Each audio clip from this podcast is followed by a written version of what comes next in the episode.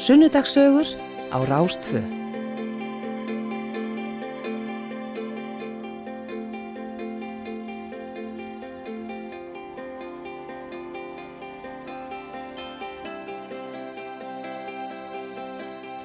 Jú, velkomin í sunnundagsögur hér á Rás 2. Ég heiti Gíja Holmgjersdóttir og ég hels ykkur hérna frá hljóðveri Rúf á Akureyri.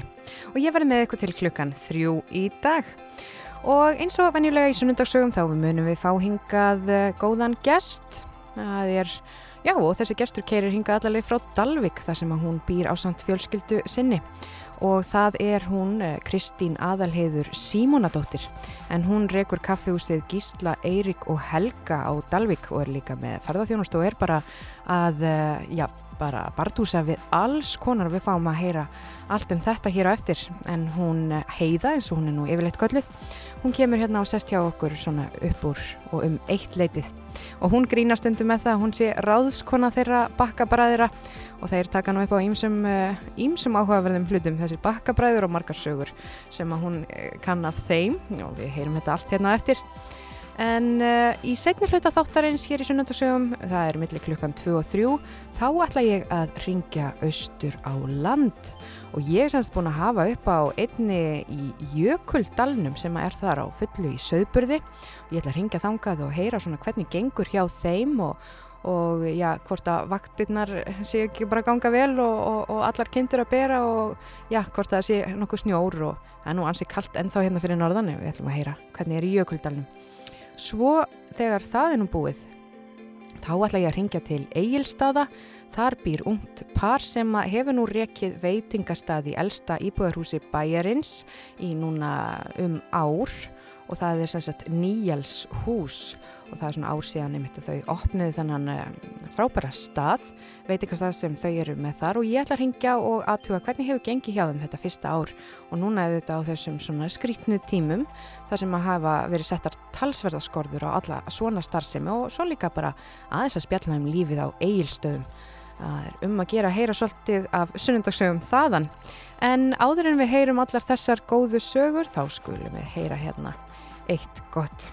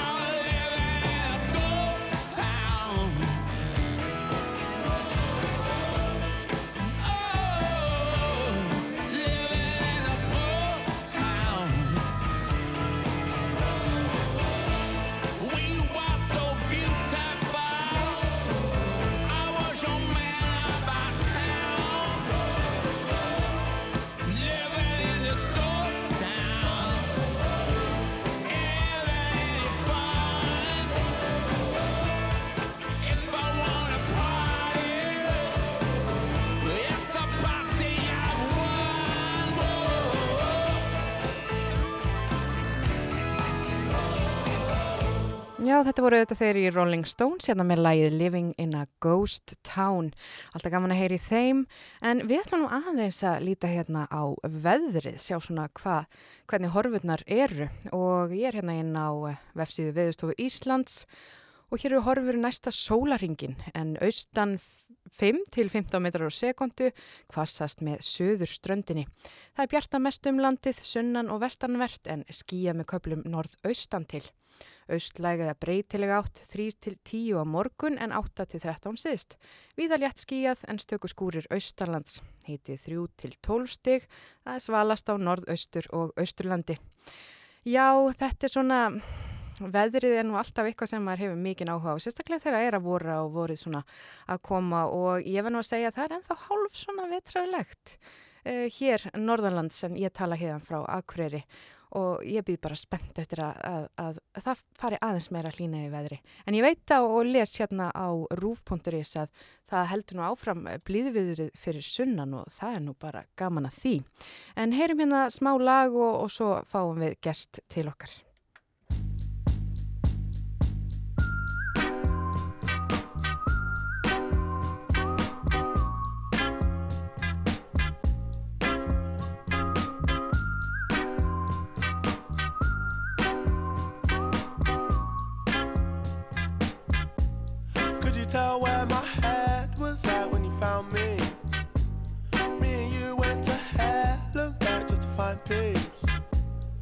I thought I had everything, I was lonely.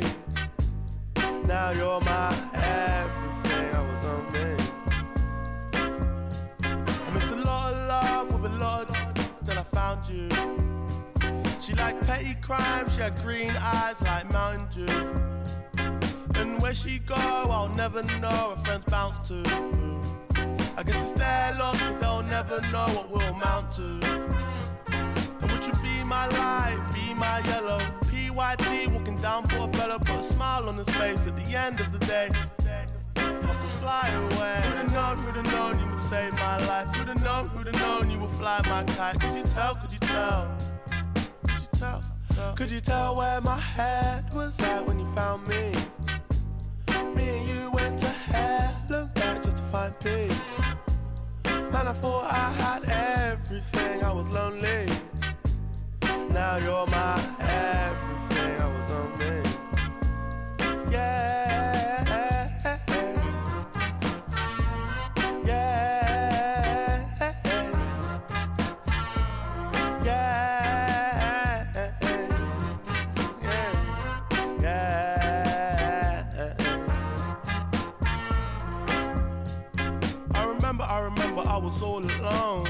Late night, I was blessed, cause you knew I was low. Head gone rolling off the throne. I remember, I remember we was in the park. Late night, made love on the grass, got my head in the clouds, counting all my stars. In my ear said the world was ours. But to hell and back to heal my wounds, cause it gets like that. Wrong side of the moon, no tune car moon, you're my Cleopatra. No side thing, don't need a backer. Need a real one, don't need an actor. A lost one's fate, think you want a BAFTA. Uh, come and be my girl. Yeah. Could you tell where my head was at when you found me? Me and you went to hell and back just to find peace. Man, I thought I had everything, I was lonely. Now you're my everything, I was lonely.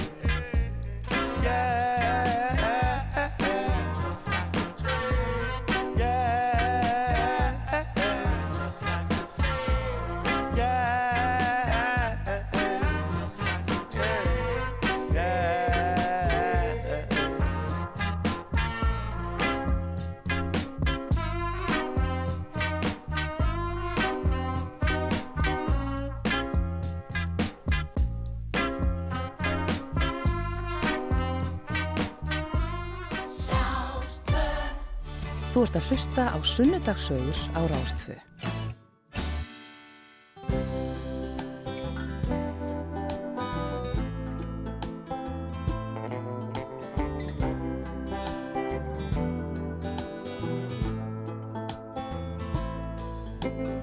Liggur í loftinu vorið Vaknar til lífsins allt Seint ég fæ því skorið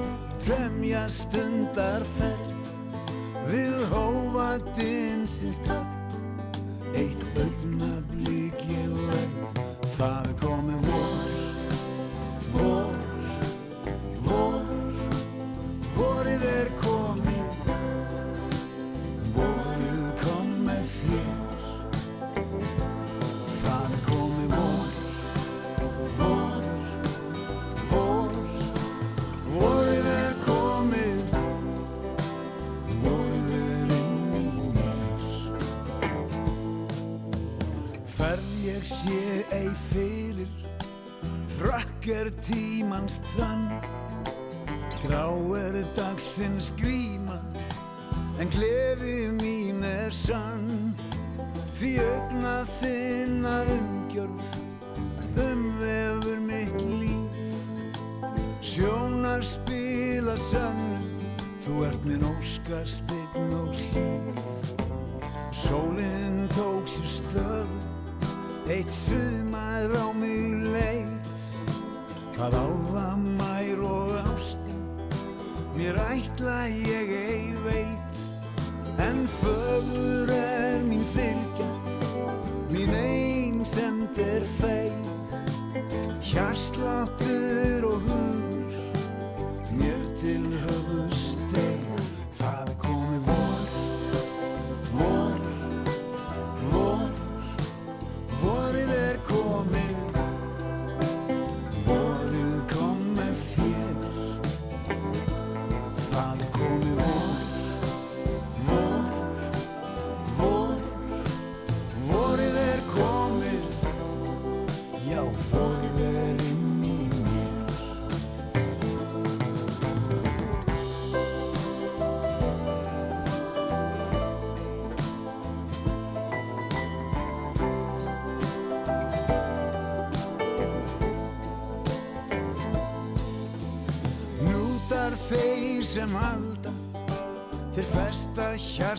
bum.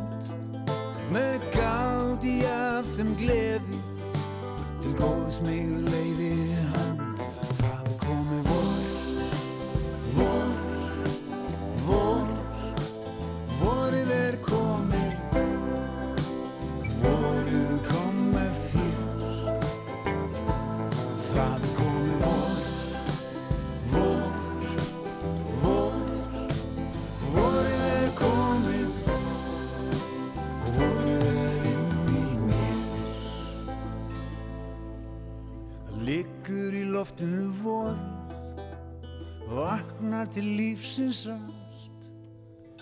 Seint ég fæ úr því skorið, hjarta mitt er heitt og kallt. Já, gullfallegt lag hér á ferðinni. Vorið er komið og það er nú bara útlitt fyrir að það, þetta blessaða vor fari nú bara alveg að koma hjá okkur svona út um all land. Eh, Þetta voru Magnús og Jóhann sem sungu þetta lag en það er komin hérna gestur hjá mér í hljóðverinu á Akureyri og það er hún Kristín Aðalhegur Símonadóttir, hún er eigandi kaffihúsins Gísli, Eiríkur og Helgi, bakkabræðurni sjálfur. Já, hún er aðtapna kona, er að stúsa í Ímsu og segist vera ráðskona þeirra bakkabræðra. Eh, Passar þetta? Já, já, þetta passar. Ég er áskona þeirra. Mm Eru þeir ekki alltaf svolítið um, vesen á þeim? Það er stundum, jú, jú, jú, jú. Þeim dættur ímislegt í hug sem einhverjum öðrum dættur í hug. En mm. þú býrði á Dalvík. Já, já, ég er dalvíkingur í, ég ekki húð og hár því að ég er hálfur akkuringu líka. Já. Og þú, kerður hingað í morgun eða? Já, já, þetta er stutt að renna. Mm. Ágætt sviður en það mætti vera hlýra. Já. Við erum ennþá að býða svolítið eftir vorinu hérna Já. fyrir norðan. Já, og það er ennþá greiðarlega mikil snjór þarna út á Dalvík og inn í, inn í dölum og upp á fjöllum. Mm En nægur snjór til að fara á skýði. Já, e- og þú skýðar? Já, já, stundum. Já. Var það þá gönguskýðin eða svilkskýðin eða hvernig? Já, núna er það gönguskíðin, núna í þessu COVID ástandi nýtti ég ágætlega þann tíma til að fara á gönguskíði og út að labba og reyfa mig og svona. Og segðu mér Kristín, eða Heiða, við skulum bara kalla það Já, Heiðu, þú ert já. alltaf köllu Heiða. Alltaf kallið. Uh, segðu mér hans þarna frá uppvextinum á Dalvík. Já, það var dásamlegt að alast upp á Dalvík finnst mér og leið ósköp vel þar og við vorum og mikið frjálsræði, maður var í fjörunni, upp í fjöllum, í tjötnum þar, austur á sandi og, og allir pössuð upp á alla einhvern veginn. Það var bara, já, mikið frjálsræði. Já. Og er stór sískinahópur sem stendur, eða sem sagt, voru þið mörg sískininn og... Við erum fjögur sískininn, Já. uh, við vo- erum þrjú sem fættumst uh, á þremur árum, Já, já. 63 fjögur og svo 66 kom bróði minn. já. Og svo uh, 15 árum setna fæðist yngsta sýstir okkar, hún Svana. 15 árum setna. Það var ekki, hvernig var eignast svona, já, Það var alveg frábært. unga, unga hérna. Já, það var alveg dásamlegt og maður mátti ekkert vera að því að fara í skólan og, og sinna verkefnum að þurft að vera með henni og, og, og fylgjast með. Og hún hefur átt þá uh, þrjár mömmur eiginlega bara. Já, Eh, já. Má segja það? Jú, jú, það má alveg segja það. Við segjum það alveg við hana og stjórnumst ennþá allar í henni. Já, Já. en hvernig svona barn varstu? Hvernig karakter? Mm, ég myndi segja til að byrja með var ég rosalega feimin. Ég var Já. virkilega feimið barn og síðan svona þegar árin liðu þá, þá fór ég að verða ákveðnari og, og hérna láta til mín taka svona skaplega séð, barðist fyrir mínu og, og var svona í áfreka skapstór og ég fæ stundum að heyra reyndar þegar ég var bara pínulítil þá þá hreinlega blánaði ég ef ég fór að gráta þannig að það þurfti að fara með mig til læknis en ég held að það hefði bara verið þessi íslenska frekja Já, já, já. sem að það var ekkert að mér en jú, ég var virkilega feiminn og, og svona inn í mig til að byrja með en svo bara eins og ég segi var ég ákveðin og en stóð fast á mínu Mhm. Hvernig samfélag var Dalvik á þessum tíma þegar þú ert að alast upp? Uh, það var bara eins og ég segi ofsalega gott að vera þarna og, og það pössuðu allir upp á krakkana sem voru að leika. Uh, ekki voru gemsarnir eða tölvurnar. Það var ekkert að ringja heim og láta vita. Maður var kannski bara allan daginir í fjöru eða upp í fjalli það sem að tjarnir voru og svona. Þannig að það þurfti nú pínu að passa sig samt. Já. en það var já virkilega gott samfélag og er nú er þetta mikill svona, já, það er mikill sjáarútvegur þarna. Er Já. mikið að fjölskyldu þinni tengt uh, sjónum? Er það svona, er það rætuna þín? Já, algjörlega og pappi var nú sjómaður og lengi vel alltaf í burtu þegar við vorum lítil hann fyrst skipstjóri og, og hérna Björgvin og eignaði svo setna bát með bræðurum mömmu og. Og uh, fjölskyldan unni að hluta til í fristjúsi, þetta er auðvitað sjáaplás og þarna eru rætinnar. Já. Hvað heita fóröldraðinir? Uh, ma ma mamma mín er Marja Snoradóttir og pappi minn Símon Ellertsson og hann er hérna frá Akureyri af Eyrinni. Og búa þau ennþá á Dalvík? Já, já, búa á Dalvík og stálslegin bæði tvö og pappi er að verða 81 ás og, og hérna er stundum að vinna en þá og alltaf að brasa eitthvað, eitthvað. og mamma er eh, nýjórið 77 ára og hún prjónar eins og vindurinn. Bara dundar við þetta í, í hérna alla daga. Mm bakar og prjónar og, og svo er þau alveg einstök með það að hjálpa til fjöl, í fjölskyldunni ef eitthvað er alltaf búinn og búinn Já. Þannig að það er svona samheldni hjá ykkur. virkilega mikil, já En láð þá leið þín líka á sjóin eða hve- hvernig svona Já, fótaðir já. þú þig? ég prófaði það tvö sumur að fara á sjó og, og það var alveg ótrúlega lífsreynsla vera einum borð uh, fyrst í litlum báti, ekabáti með tveimur strákum og svo setna sumari þá var ég á stærri, stærri bát Já. og með enn fleiri strákum alveg þetta var lífsreynsla en ofsalega gaman og ég hefði ekki viljað missa þessu Já, já. Tvö sumur. Hvað varstu Já. gömul þannig? uh, ég hef verið svona 22-30 ára Já. já Og varstu í sjómannstarfinu eða, eða gengdur ykkur Já, öðrum stöðu? Ég, var háseti á, á hérna, Stefánu Rökkvaldsinni og gaman að segja frá því að við vorum á rækju og vorum úti kannski þrjá fjóra daga og, og ef ég man rétt allt upp í fimm daga og það var ekkert klósett um borði í bátnum eða eh, litla, litla bátnum og það voru, það var bara nótu fata. Já, já. það er ekki kannski bóðlegt í dag. En hérna svo var hinn allur stærri hérna Sigur borgin Já, Sigurborgin, AK. þar hefur verið klósett. já, já, já, og bara allur aðbúnaði mjög góður Þetta er Já. aðtiklisvert að vera á svona litla eikarbáti Já. á rækju veiðum. já, það var alveg upplifilsi en bara virkilega gaman og, og hérna strákarnir létu mig standa stímið og sagðu mér bara hvað ég ætti að gera og ég ætti að vaka og fylgjast með þessum mælum og hinum mælum og svo hafðu þau nú ekki lítið gaman að stríða mér og snúa bátnum, ég gleymi því nú ekki kannski á nóttunni og, og þá panikaði maður hvað, hvað maður ætti að gera. En allt þetta fór vel og, og var já, virkilega gaman, ég er svo ótrúlega stolt af þessum tíma mínum. Já, já það, það var ekki algengt að stelpur væri að fara kannski á sjó eða hvað. Það var aðeins um það á Dalvík, það var það. Það voru stelpur að, að prófa þetta og sumar höfðu þetta alveg aðtvinnu. Þannig að, En þú hefur ekki ákveðið að leggja þetta fyrir þig. nei, ég gerði það ekki. Ég var svo sem alltaf sjóveik en ég stóð mína plikt og, og gerði allt sem ég átt að gera. Mm Þrátt fyrir sjóveikina. Nú, en segðu mig, hvað hva, hva langaði þið til? Hverju voru draumar þínir? Uh, á þessum tíma ég kláraði sem sagt stúdinspróf frá fjölbreytaskólanum á Sauðakróki og vissi nú ekkert hvað ég ætlaði að verða þegar ég er því stór og ég veit það svo sem ekkert ennþá því að það eru svo margar hugmyndir en jú, eftir fjölbreytaskólan þá var ég og sótt um í innskólanum í Reykjavík í hárgreðslu það er nú ekki margir sem vita það. Og ég var búin að skrifa ávísun og ég á þessa ávísun einhver staðar en þá svona staðfestingagjald Já. En svona í millitíðinni áður en að til þess koma þá hérna ákvaða fóreldrar mín að kaupa blómabúð sem var í rekstri á Dalvík. Og ég tók svona svolítið uppeyju og ákvað bara í það með þeim og, og vinna hjá þeim Já, já, og gerði það í heil 20 ár. einmitt. Já, það segir Marta og eigir þessa ávísun en þú hefur aldrei sendt þarna staðfestingagjaldið. Nei, og e- aldrei dunda mér neitt við hár eða að klippa. Nei. Það er svona ákveðin sam hljómur á milli til vill hárgræslu og svo blómabúðurinn. Það er svona þessi skreiti og svona að vinna með í höndunum. Já, það, það er það virkilega og ég sótti mörg námskeið á vegum svona blómaskreita Já.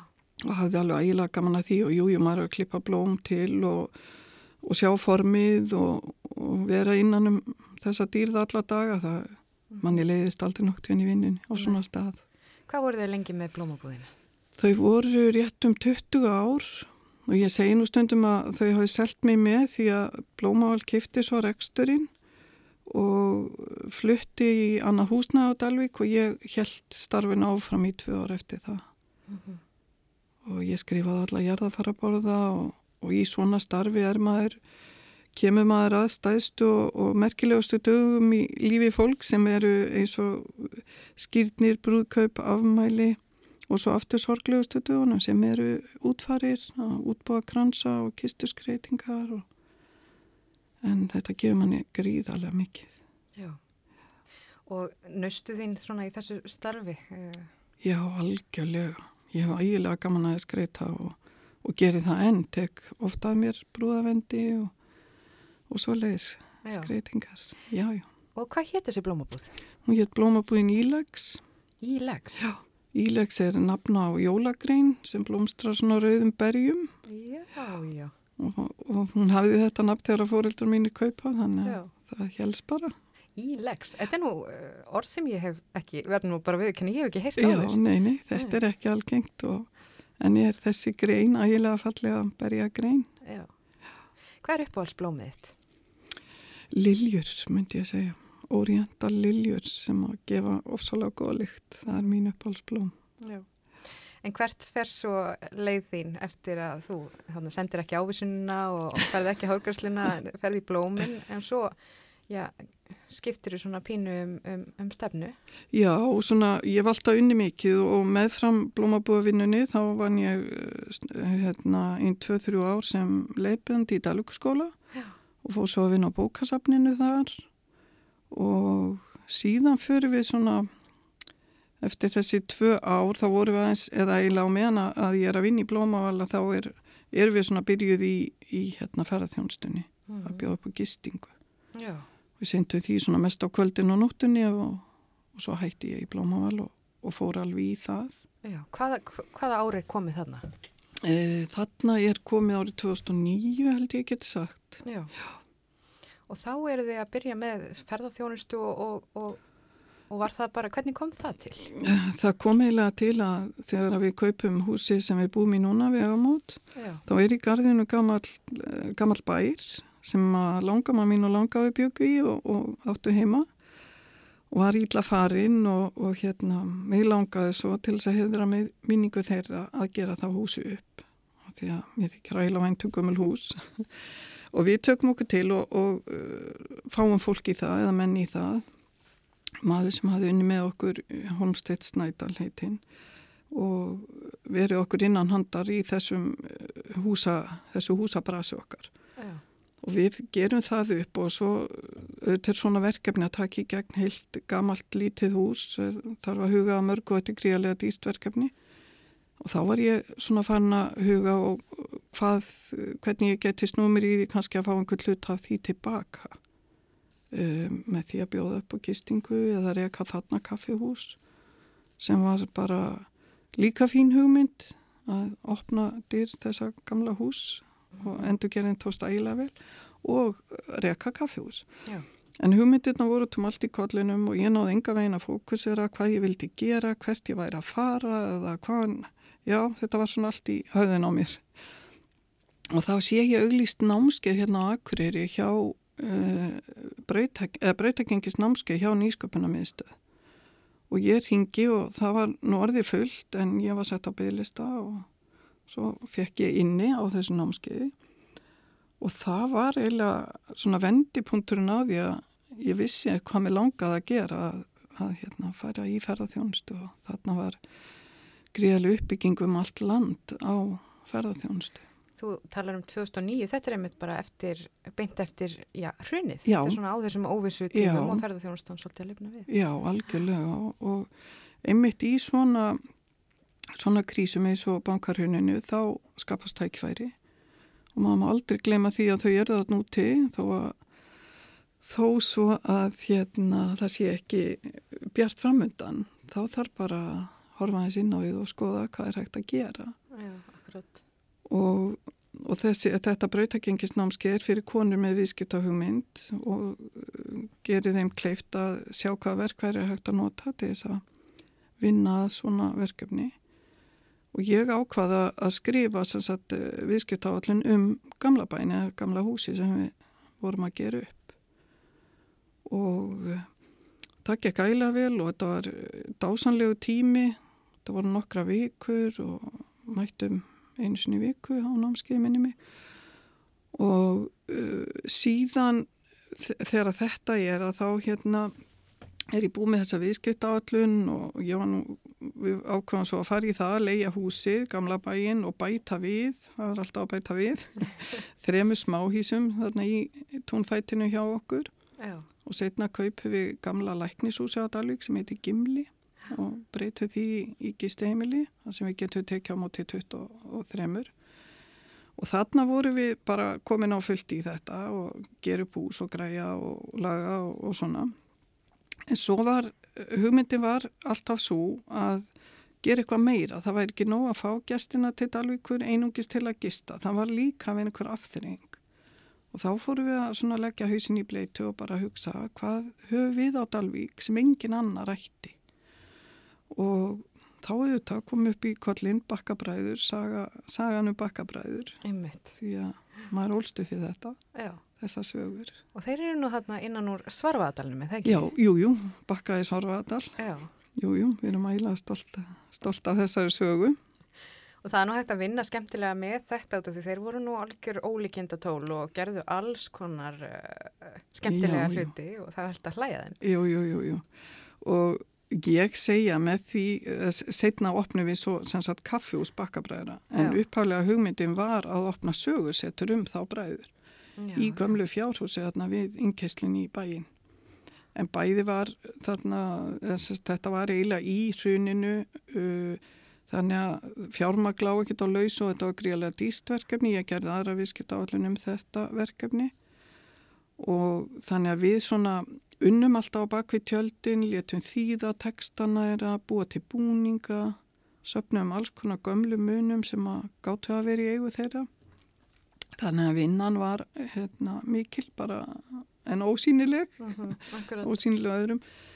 En svo er það 2013 sem okkur stendur til bóða að leia hús eða húsnæði í eigu talíkubiðar og við stökkum á það og tókum uppeyju og því staðin fyrir að opna þetta sögusettur með þeim mikla kostnaði að þá opnum við kaffihús bakkabræðra Já, sem að að- er kaffehúsi sem að, já, þið er ekki núna. Gísli er ykkur á helgi. Já, það passar Já. Já, það hljóma svona eins og uh, þú hafir hausinn fullan af hugmyndum og greinilega hefur þetta brautargengisnámskeið svona hjálpað þér til þess að já, koma þeim í framkvæmt. Já, algjörlega. Er, þarna læri maður á svo mörg verkværi og hvað þarf til. Maður fyrir yfir eh, styrkumsóknir, styrkumsóknarkerfið, hver, hvert getur maður sótt til að fá aðstóð, til að byrja, einhverstað verður maður að byrja. Því eins og ég segi alltaf að það er ekkert mál að fá hugmyndir og kollunin á kannski mörgum er uppfullara hugmyndum. En erfiðast í þessu öllu er að koma hugmyndunum í framkvæmt upp úr hjólförunum og láta eitthvað verða úr verki Já, og bara að fjármagna þér. að fjármagna þær og koma þeim á, áleiði sko. En þarna eins og ég segi er alls konar, alls konar sjóðir þarna úti og það er um að gera að leita eftir þeim. Það gerir þetta enginn fyrir mann, þetta er mikil vinna en ég hvet alla og ekki síst konur sem eru með svona hugmyndir að leggjast svolítið yfir þetta. Þetta er eins og ég segi vinna en hún skila sannlega árangri og ofta tíðum eru þessar upphæðir þó það sé ekki stórar eða háar en það er kannski algjörlega nöðsilegt til þess að byrja á verkefninu. Já, einmitt. Og svona gefur því vægi og, bara Já. hleypur lífi í hugmyndina. Já, einmitt. algjörlega. Og það var það, við vorum duglega og, og maður með hjálpaði mér við það, sækjum styrki hérna ímsu sjóði og bæði í húsafriðuna, hérna, húsafriðuna sjóð þegar vorum að gera gamla bæinn og, Já, já. og byrja á, á viðskiptahugmynd með bakabræður. En hvernig, þú tala mikið um að þið hafi gert upp gömul hús og, og þið hafi sankað eitthvað gömlu munum þarna Já. sem þið hafið á kaffehúsinu. Ertu svona antik manneskja í þér? Já, það er eiginlega ekki eftir að segja annað. Ég hef ægilega gaman að sapna gömlu hlutum og er hálger rimpári slögunum, kalla sískinni mín mig. En jú, ég hef það og, og það er mér svo mikils virði eins og með svona gömul hús í Dalíkubíð. Þetta er sagan okkar og það hafa allt og mörg hús fyrir yfin eða látin fara. Og fyrir mörgum, mörgum árum hétt ég sjálfur með því að ég skildi gera allt sem ég gæti til þess að varðveita eða fá fólk til að varðveita þessa gömlu minjar okkar. Því að ef þetta verður yfir þá hefur enga sögu. Já. En er, ertu þá, er maðurinn uh, smiður eða þú, er, er, ertu, hvernig þekkingu hafið? Þetta er nú svolítið bras að Já, gera upp gömul hús. Jú, jú, nei, nei, hann er ekki smiður og ég ekki heldur og, en þetta er fyrst og fremst af áhuga Já, en lengi vel hafðu við með okkur indislan smið hérna frá Akureyri, uh, Homestead Snædal. já, akkurat, þú myndist á hann Já, áðan. hann var okkar, okkur innan handa í öllu þessu, þessu húsabrasi okkar. Já, Þar, alveg þar til hann lést fyrir nokkrum árum síðan. Þannig að, já, við höfum alltaf, gátum alltaf að leita til hans. Mhm. Og ég ringdi stundum í hann ef að ég fekk hugmynd og þá ég mist náða minnur á jörðina eða hvati mig áfram. það er gott að hafa kunnáttu fólk svona með sér Já, og já, Það er alveg nöðsilegt. En segðu mér aðeins frá kaffehúsin ykkar. Já, við semst opnum 2013 og það var eiginlega bara kortir í fiskidag, það þekkja nú allir á landinu fiskidaginn mikla. Og það gekk ótrúlega vel, drátt fyrir að ég hafði, hafði aldrei eða við uh, lært á svona kaffivélar, þetta var bara hugmynd og auðvita að uh, tvinna það sögum bakkabræðra með búningum og gamla dótinu og þetta er svona hálgert set, hérna, sapp má eiginlega að segja og fólk situr þarna og skoðar upplýsingar um bræðuna og bækur og svona En það var, já, 2013 og við vissum í raun og verið ekkert hvort það væri svo grundöldu til að hafa eins og vetraropnun. En við ákváðum það að þegar við opnum að það yrði bara alltaf opið. Ekki að taka frí einhverja daga eða þar segja loka. Það væri bara opið. Frekar þá að minka opnunatíman yfir veturinn. Og síðan hefur bara verið opið. Það má eiginlega segja það. Við höfum alveg náð 358 dögum á ári í, í opnun. Það, þú varst nú í fréttum hérna í desember, Já. það var heyrt í þér, eh, það var hringt í þér frá Rúf þegar að þú neytist til að loka út af veðri. Já, nú þetta var náttúrulega ótrúlegu vetur. Það er ekki að segja hann og, og sennilega bara held ég eitt svo erfiðast í manna minnum þarna heima. Og varðandi snjó og snjóvalög og svo ramasleysið og, og brotnu stauratnir og, og það þýtti ekki að hafa fyrirtæki opinn þegar ekki var rafmagn. Og, og svo var þetta bændum gríðarlega erfiði vetur og, e, og bara öllum. Og maður skilur það svo vel þó ég sé algjör snjóa dýrkandi og elska snjóin að þá skilur maður það að þetta sé erfitt fyrir fólk sem hafa með að komast út úr húsonu sínum hefur ekki já, getur ekki farið í búðina eða aðganga matvöru.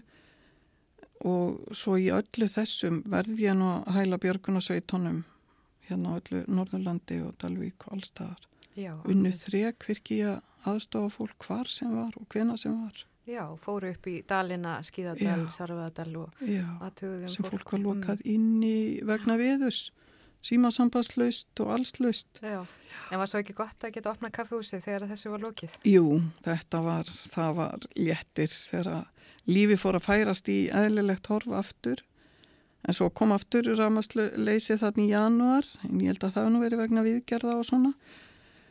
En svo allt í þessu að þá höfum við nú sjaldan haft annan í snjó og, og dásemt allstaðar í kring og við lögum virkilega til að fara að taka mót öllu fjallaskiða sem hefur sótt tröllaskagan undanfærin ár en þá kom COVID eins og Já, allir já. vita Þannig að þið hefði starið, starað upp í, í fjallslíðarnar á þennan dásamlega snjó og Já. þetta góða færi og ekkert hægt að gera. Nei, þetta var alveg hræðilegt bara loksins fáið þarna flottan vetur og dásanlegan snjó og, og svo bara var ekki tækt að nýta hann. Jú, þetta heima fólk og, og landsmenn eða allavega á svæðinu, landsmenn hafa nokkið verið að ferðast á milli svæða. En svona er þetta, það, það gerði engi ráð fyrir þessu. Og þið þurftuð að loka kaffehúsinu eða hvernig? Já, við lokuðum uh, í næri eðum átta vikur held ég og það var náttúrulega bara, það var engin, það var engin á ferli, það kom engir uh, ferðamenn uh, elendis frá, allar uh, bókanir, þær, þeim var semst aflýst og þannig að staðan var bara mjög slæm. Já, en hvernig er svona horfið verið fram á sömarið bara fyrir kaffehúsu og, og, og, og gisti heimilið ykkar Já. og svoleiðis? Sko ég segi alltaf að ég held að við tengin í ferðarþjónstunni hvaða áhrif þetta muni hafa en auðvitað er staðan grá alvarleg en ég er nú svo ótrúlega bjart sín og, og heyra það að, að það megi fara að fljúa í um miðjan júni og við erum aðeins að fá aftur bókanir fyrir haustið að ég einhvern veginn ætla að horfa björtum augum á framtíðina. Já, Ég ger það því að þetta, við erum held ég búin að ná botninum eða við vonum það og þá er bara ein leið og það er upp á við. já það er bjart sinni eflaust þarf Já, að ráða fyrir núna á svona tímu. Ég held það og eins og ég segja oft í svona, í svona krísum að þá eru einhver tækifæri hann úti. Já, við sitjum hérna með Kristínu Aðalheiði Símonadóttur eða Heiðu, hún rekur kaffehúsi Gísla Eirik og Helga á Dalvík og við ætlum núna að fá smá auðlýsingar og eitt lag og svo ætlum við að halda áfram að heyra hennar sögur.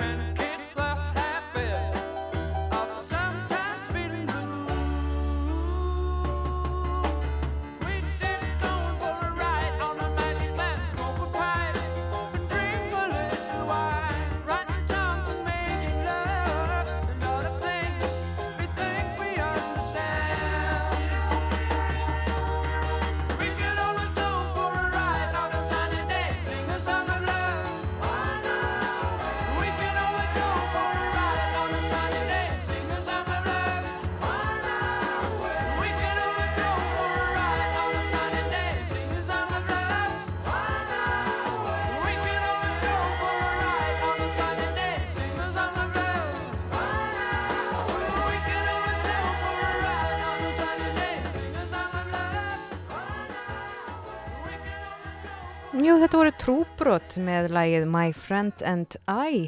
Uh, en við sitjum hér í sunnudagssögum og hjá mér er hún Kristín Aðalhauðu Símonadóttir eða Heiða uh, sem að rekur uh, kaffehúsi Gísla Eirik og Helga á Dalvik og já, hún er nú dunda sig við margt annað en bara það. Það er svolítið alltaf mikið að gera hjá þér eða hvað? Já, já, sólarhingurinn er langur og mikið óskaplega vildi að það væru fleiri tímar í honum. Já, þú ert Já. svona ein af þeim.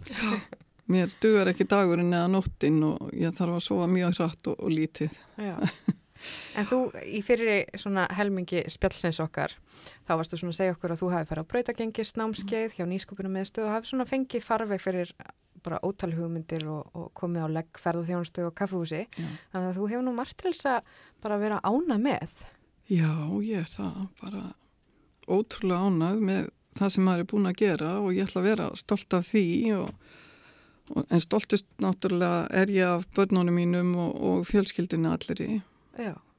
og tengda fjölskyldu, ég átt ásanlega tengda fóreldra og Já, við við myndust aðeins á manniði náðan en það er kannski verðt að segja. Hvað heitir hann? já, hann heiti Bjarni Gunnarsson og er, er, kemur frá Greinivík, er Greinivíkingur Já. og við hittumst í sjalanum mitt á milli, eða svona kynntumst þar þó ég hafði alltaf vita hver hann var, hann átti skildfólk á Dalvík og svona Já. En það var einmitt þegar að við hittumst í, eða sjóararnir fórum saman í sjalan eitt kvöld og þá hitti ég Bjarna. Já, þeirra varst á rækibátnum og, og því. Nei, þegar ég var stærri bátnum, Sigurborgi. Þeirra varst á Sigurborginu. Já, já, já. Það var mjög eftirminnilegt kvöld, já. já. Þeir hafa nú örglega verið mörg eftirminnileg kvöldin og sjálfanum. Þau, þau voru það virkilega. Og ég vann þar um tíma sem þjóttn í sjalanum. Já, maður hefur nú komið víða við svona í, í því prófaði mislegt. En segð mér frá hérna börnunum þínum. Hva, hvað eigið mörg börn? Já, við eigum fjögur börn Mm og þrjár stelpur sem eru með okkur og svo, Já. svo eigum við dreng sem við mistum en ekki minna á það þá er langar að segja frá þeim að þær eru all, eða, tvær elstu búsettar í Reykjavík og elsta er 29 ára og hún er tannlæknir og er einmitt að fara að verja mastersritgerna sína núna á dögunum Já, já. Er, hennar kærasti er uh, læknir Daniel Alessandinsson Já, en hún heitir Anna Margrét. Og svo kemur Marja, hún er 27 ára. Og hún vinnur, hún er félagsrákjafi og vinnur á Bugl. Og hennar maður er Árni Víðir Jóhannesson. Og hann er hérna frá Akkurir, þeir eru allir frá Akkurir tengda sinnir, já, já.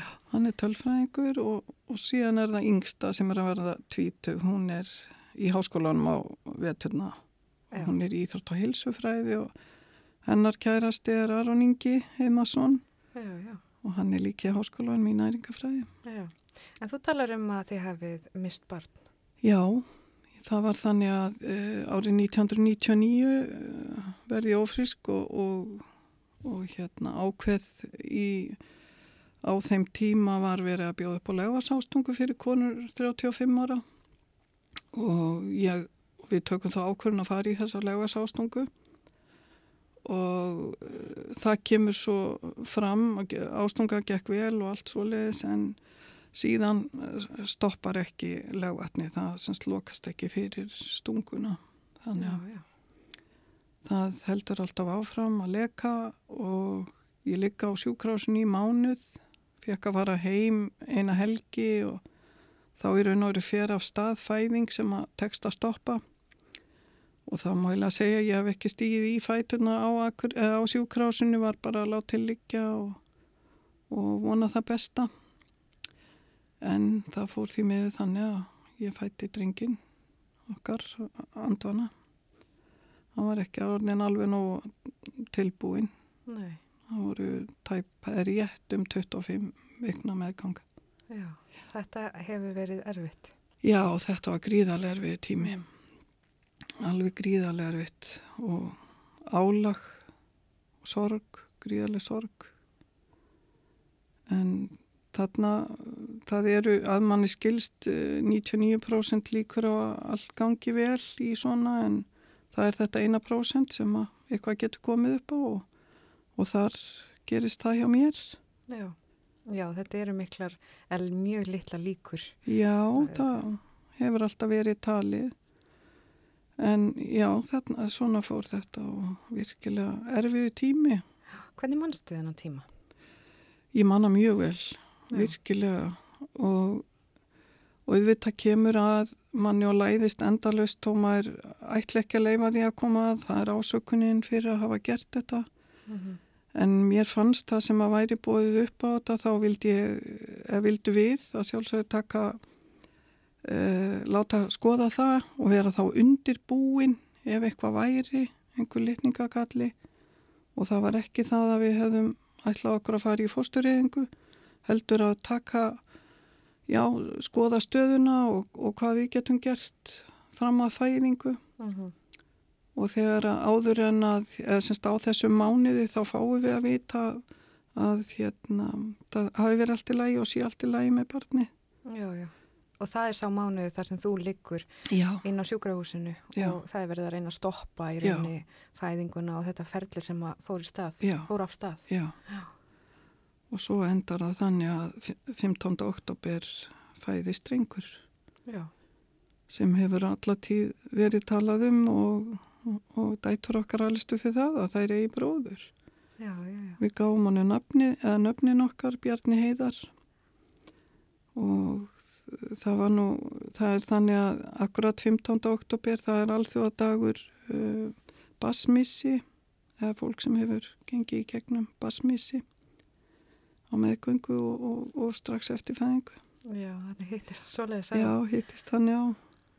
En hvernig var þetta að, já, þetta er þarna 2000 og Þetta er 1999. 1999. Já, Uh, Hvernig var tekist á þetta? Fenguð þið mikinn stuðning eða handleðslu í gegnum þetta? Funduð þið fyrir því? Já, ég myndi segja það. Við fengum alveg gríðarlega, faglega og góða þjónustu inn á, eh, hérna upp á sjúkrási og allir boðnir og búnir að aðstóða okkur. Ég mátti vera eins lengi og ég taldi mig þurfa. Við fengum að hafa hann hjá okkur og ná í hann þegar við vildum. Ég var rúmasólaring inni. Og, en við ákvaðum að leif ekki stelpunum að sjá hann. Þær voru bara 7 og 9 ára. Já, já. En við tókum mikið að myndum og eins og ég segi, við fengum að hafa hann. Og þegar ég var tilbúin að fara heim eða við, þá komu uh, Bjarni og stelpunar að sækja okkur. Og við kerðum með hann í kistu á milli stelpunana til Dalvíkur. Lítilli kistu og fórum með hann í líkhúsi á Dalvík og þar var ægilega veltekja á mótöku líka og öll þjónust að við móttum fá líkilinn og fara eins oft og við vildum til að sjá hann og kveðja hann. Þanga til að við treystum okkur til að standa í útfur. Þannig að þetta er ægilega skrítin tími en, en hérna mér þykir uh, alltaf gott að tala um þetta og við höfum alltaf gert það og alltaf talað um hann sem einn af okkur og Bríett Brá sem að fæðist ári sætna, hún hefur all, alltaf alistu fyrir það að eiga bróður Já, og talað um hann. Hann, já.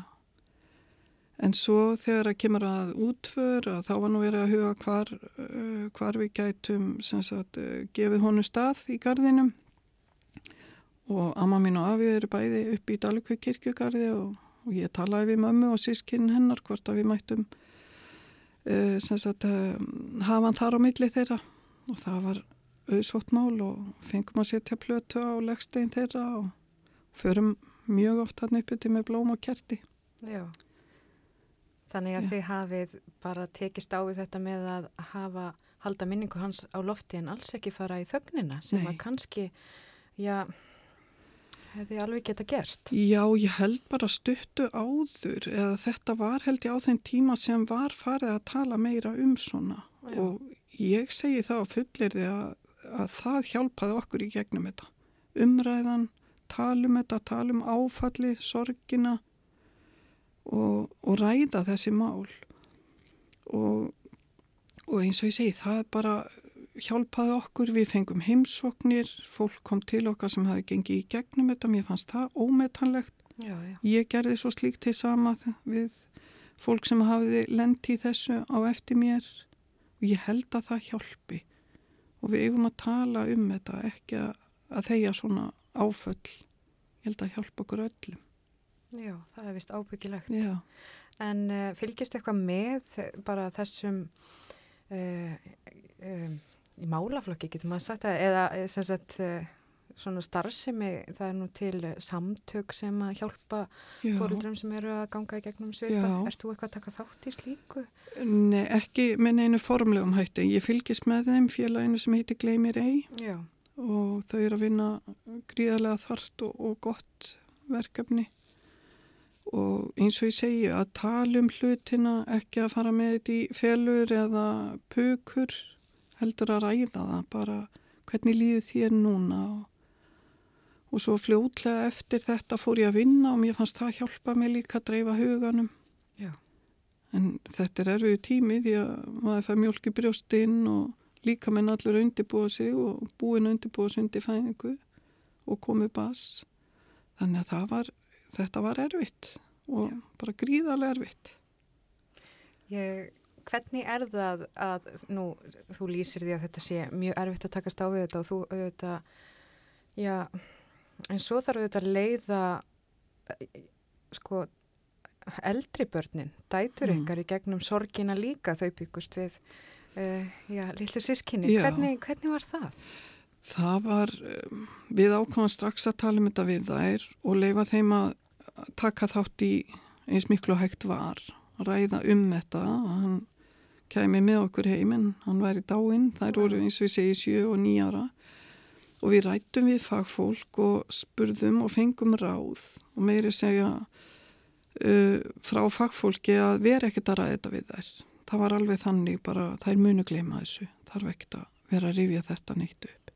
En við fórum alveg hinn að leiðina. Okkur fannst það ekki, ekki mjög faglegt. En við hérna ákvaðum strax að fara þá leiðina að lifa þeim að taka þátt í sorginni, tala um hann. Og ef að þeim leið ítla gæti alltaf við gætum grátið saman og gerðum það oft kvöldin þegar þær voru að fara að sofa og svona. Og það hjálpa okkur líka mikið. Einmitt. og meiri segja eða þarna vildu við þe- þegar þetta er þá tókum við mjög mikið að myndum til að eiga og, og eigum þær og að þá ákveðu við sko að leifaðum ekki að sjá myndirnar en vorum búin að segja að þær mættu það setna meir svo þegar þær voru tilbúnar og yngsta orðin stærri og fann að hafa mikið meira vit þá settust við öll niður og skoðuðu myndirnar og Mhm. það var mikið gráti en, en hérna það var líka léttir Já. fyrir alla En hvað voru þær orðnar þá gamlar? Þegar þær svona voru tilbúna til þess að... Já, mér fara inn í minnir þetta. sko að þær hafi verið bara 18-19 ára þegar þetta var Já. og það hjálpaði mér líka eh, og okkur eins og við bara útförina að ég gerði þetta bara eins og ég var vön, ég skreitti litlu kistuna og setti borða með nafnina sá sem ég skreitskrifaði á og heldum svona útför, komum saman á eftir og gretum og, og föðmuðumst og öll fjölskyldan þannig að það hjálpaði mikið. Já, það hljómar, og takk fyrir að deila þessari lífsreynslu með okkur og það hljómar eins og að það sé mjög mikilvægt að hafa þessa kveðju stund og að halda utanum þetta og einmitt að ræða hluti. Já, ekki að þeia svona hluti. Það, það er svo gott að tala um það. Já, einmitt. Og hva, hvernig tala dætur ykkar núna um, um bróðu sinn og hvernig er þetta svona, hvernig líta þær tilbaka? Já, ég held, auðvitað er sorg að hann er ekki með okkur en við höfum ofta rætt að hvað hann hefði verið að gera í dag, hvernig já. lit út. Hann hefði verið tvítugur í fyrra og við komum saman, ef að þær eru heima þá komum við saman, eða þeir sem eru heimi í það að það skipti á, á Amalsteinmans, þá komum við saman. Förum upp í garð með blóm og kerti og svona. Já, Það er bara dásamlegt. já. Takk fyrir. Já. Og við ætlum að, ég með langar svolítið að ræða, þú segist vera hérna, uh, þú hafir skreitt, uh, þú ert bengið með blóm og þú hafir skreitt skrifa á borðan og þú ert alltaf að dunda þér eitthvað. Já. Uh, og ég veit að þú gerðir síðu, Facebook síðu á svona þessum COVID tímum sem heitir Dundað í Dallas. Það Uh, var, það var skemmtilegt og er skemmtilegt. já, og- segðu mér, hvernig kom það til? Það var þannig að núna í hausta þá, það er bæjablað heima sem heiti DB-blaðið og það var eh, ný rittstýra þar um Guðrúninga og við semst fórum að selja blaðið á kaffehúsinu og við fórum eitthvað að ræða, við þurfum að gera eitthvað skemmtilegt og ég var búin að segja en ég hef lengi gengið mig í maganum að búa til svona myndaþátt, uh, sína gamla hluti og svona fyrir og eftir að Mhm. þurfu ekki að henda öllu heldur að endur nýta. Ég er náttúrulega alltaf í þessu að endur nýta eða nota gamalt og breyta hlutana.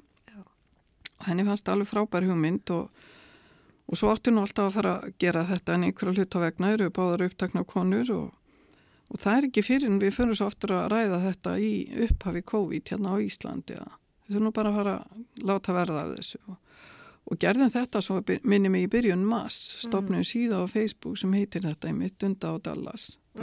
Dalvík er oft kvöldu Dallas og það er um rúmlega, eða réttæflega 700 meðlimir komnir í hópin Já, já. og við ákvam að bara það er öllum velkomi að, njóta með okkur, þetta er ekkert bara dalvíkingar eða burtfluttir, það er bara allstara landinu. Já. og markmið með þessu var að sína hvert öðru hvað við getum gert, skipst á uppskriftum, prjónlesi, það er að mála og bara hver voru verkefnin á þessum skrýtnu tímum og láta okkur ekki leiðast það, ég veit ekki hvað það er. Nei, þú hljómar þannig, þú leitir þér aldrei leiðast. Nei, ég veit ekki hvað það er. En hver eru svona bara næstu verkefni hjá ykkur? Uh, Það er náttúrulega að halda áfram að reyka okkar ferðarþjónustu, uh, bæði gistinguna, Dalvík Hostel og svo kaffi og spakabræðra. En maður þarf að hafa eitthvað meira að stefna að og við hefum verið að ganga lengi með þá hugmynd, eiginlega frá upphafi að búa einhver stað til fótlög bakkabræðra á Dalvík. Og fótleg bakkabræðra, er þetta saga sem er, er tengd bakkabræðmi? Er þetta eitthvað sem þið eruð að búið til? Nei, nei, einsagan er um, um það þegar þeir fóru í fótabað Mm. og settust í heita laug eða við heita laug og, og síðan gáttur ekki staðið upp því að þeir vissi ekki hver átti hvaða fót. Þar til gammal maður kom að þeim og, og lamdist af sínum á, á nýja þeirra þá gáttu þeir fundið út hver átti hvaða fót og gáttu staðið upp og haldi leiða sinna. Já, já, já. Og hugmyndin, hef, já, hugmyndin var alltaf að búa til þessa laug. Það er reyndar heit laug fram í Svarfaðadal Mm.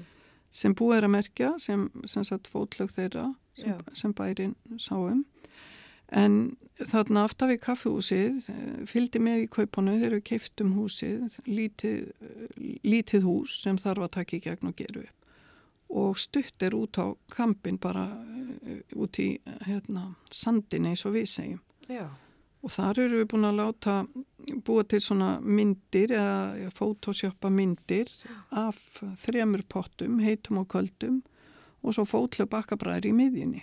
já, já. Og þar er hægt vendarlega að fara svo í sjósund með Já, og, og, það er hugmyndi. og þið ætla að hafa búningsaðstöðu. Já. eða já. Bæði búningsaðstu inn í þessu litla húsi baka til og svo útisturtur og pottin sjáum við, semst fótlögina sjáum við fyrir okkur sem einhvers konar sírenslispott, það er bara að setjast á brúnina, þurfu ekki alveg að fara úr öllum fötunum og fara í sundföt, heldur geti eh, hinn almenni ferðamaður sest þarna með krökkonu sínum og, Já, já. Og skýðamenn þurfu ekki að hafa sundfötin sín með ef þau vilja bara bretta upp að njám og kæla tásurnar og Já, akkurat. Og flækja sama fótum. Eins fótum. og bakkabræður. En þú talar hérna um sandin Já. og þarna út kampin. Já, og- já, þarna út er Kambri. þetta?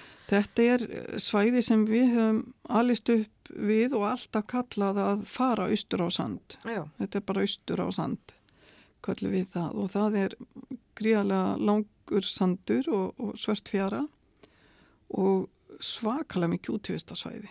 Þarna gengur fólk sér til heilsubóta fram og tilbaka og skokkar og, og, og bæjarjöld er nýbúin að koma fyrir tveimu bekkjum þarna sem að er, eru mikið notaðar hef ég séð að ég var mikið hann í, í lokunnum daginn akkurat. hjá okkur og þetta yrði algjör liftistöng fyrir bæjarfélagið að bæta við pottum þarna. Já, það, og þetta er svona staður sem að, ma, kannski ekki margi veit af nema að séu frá já. eða þekki einhvern veginn til.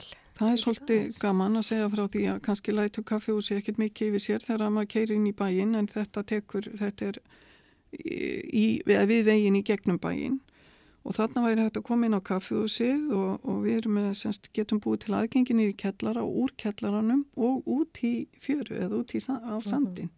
Já. og þá er þetta algjörlega svona falin fjársjóður en svo er hægt að ganga hann frá öðrum stöðum sko. Já, þannig að þetta er svona það sem að þú ert með í bígerð. Já, En ertu með eitthvað fleiri hús sem þú ætlar að taka og, og, og, og gera upp og...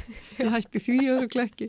Jú, jú, við erum með, eigum eitt hús þarna í miðbænum sem að er svo sannarlega komið tíma á að fara brett upp ermar og, og gera upp. Gera. Þannig að sómi er að, það er virkilega fallegt. Er búið að gera tekningar og það líta ægilega vel út.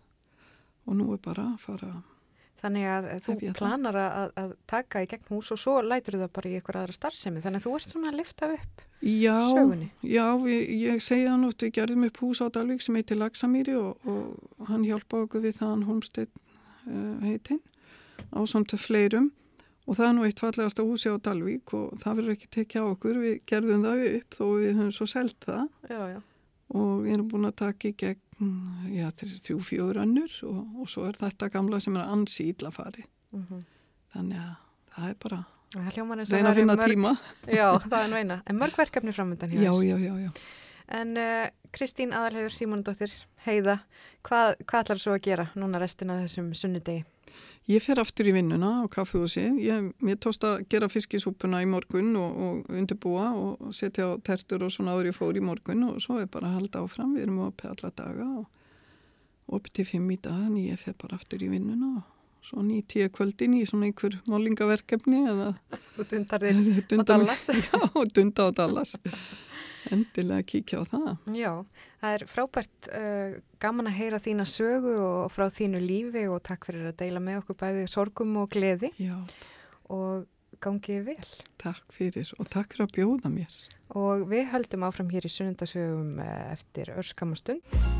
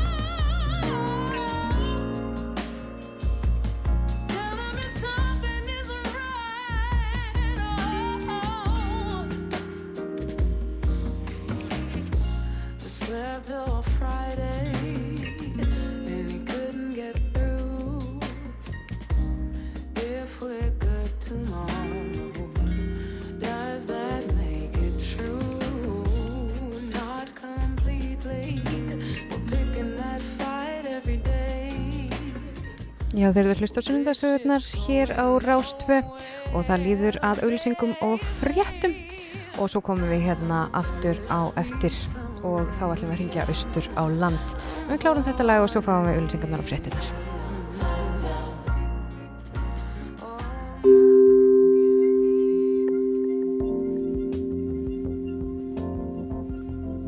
Sjósundhafsport.is Myndir ársins ný síning í ljósmyndasafni Reykjavíkur veri velkomin. Mjúkar heimabuxur sendum frýtt heim, joeboxer.is. Gísla á uppsölum, sumarsýningar Haukadal dýrafyrði, komudíuleikúsið tix.is. Nýgrillaður ísfuglskjúklingur og makkein franskar, melabúðinn. Beðarhinsun, Garðaþjónusta Íslands. Frí heimsending á reyðhjólum strax í dag, heimkaup.is. Kaffihlaðborð skriðuklustur. Verkværi í Dótakassan, kb.is. Rómantísk garðtré, gróðrastöðin mörg. Myndlistaskólin í Reykjavík, blundar í þér listamaður, opið fyrir umsóknir í dagskóla. Salkera verslunin þín, melabúðin. Lagersala á sportís.is. Alþjóðlegi safnadagurinn er 18. mæ. Hvar er safnið þitt? Svartfuglseggin komin, Depla kólaportunu. Norðfjörðagöng kondi bíltúr, Östurland ævintýri líkast. Konda á Hesbag, visitmívat.is. Mundu eftir þínum bakara, öryggi og gæði eru okkar daglegt brauð, veljum íslenska framleiðslu, landsamband bakarameistara. Vörubílarafgeimar, rafgeimasalan. Fjarnám án lokaprófs, fas.is.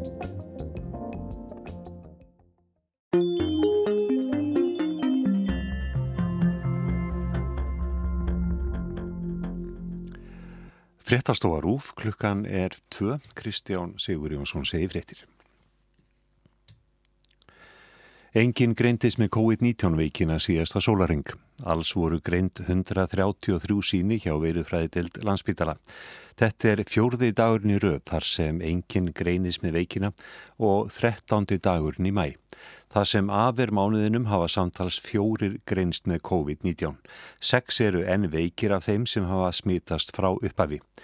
Þeim sem eru í sótkví fjölgar vegna komu fólks til landsins. Nú eru 852 í sótkví, 20.046 hafa lokiðinni. Fyrsta smiti greindist undir lok februar. Frá þeim tíma hafa samtals 1802 verið greindir með COVID-19 veikina. 1786 þeirra hafa jafnað sig. Tíu létust. Seks eru enn veikir sem fyrir segir. Engin hinna veiku eru á sjúkrahúsi, heldur eru þeir allir í einangrun. Þreyfingar eru í gangi í kjaradeilu flugfreyju félags Íslands og Æslandir. Ekki hefur verið búið til nýs samningafundar en samninganemdirnar eru á svokullum vinnufundum hjá Ríkisáttasemira. Æslandir hefur lagt áherslu á að gera langtíma samninga og að þeir liggi fyrir áður en kemur til hlutafafundar í félaginu þar sem afstæða verður tekinn til hlutafjárreikningar þar sem reyna á að ná 29 miljardum króna í nýtt hlutafjö. Sáfundur verður á förstu daginn kemur. Því er mikill þrýstingur á að ná niðurstöðu í deilu félagsins við plugfreyjur. Deilendur verjast allra frétta af gangi mála. Fréttalestri er lokið.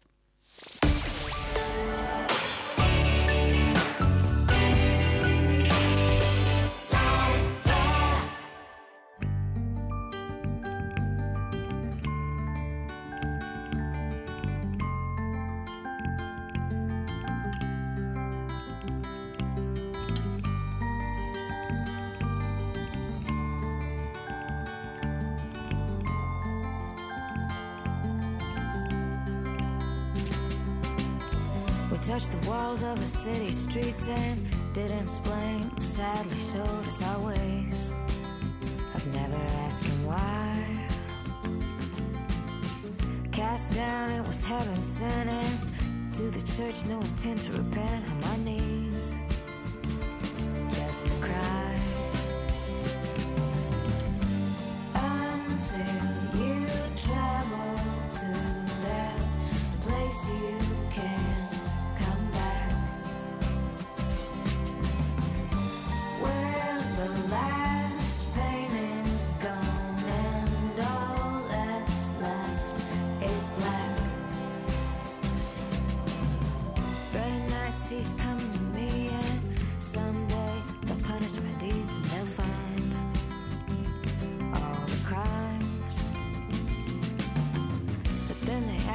When they're gonna see them. Then they're gonna ask to feel the ghosts, the walls, the dreams.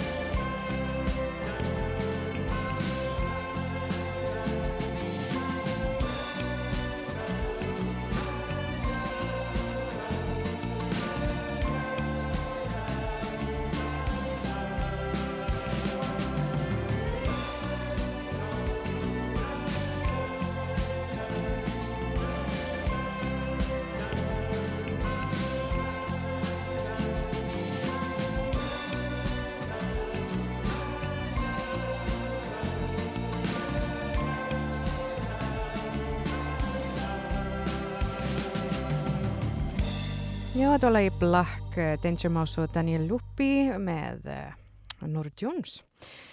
En uh, við erum hérna í sunnundagsögum á Rástvö og ég heiti Gíja Holmgjastóttir og það er setni hluti þáttarins tekin við. Ég ætla að vera hérna til þrjú í dag með ykkur. Og já, eigum ekki að fá smá stef undir þetta.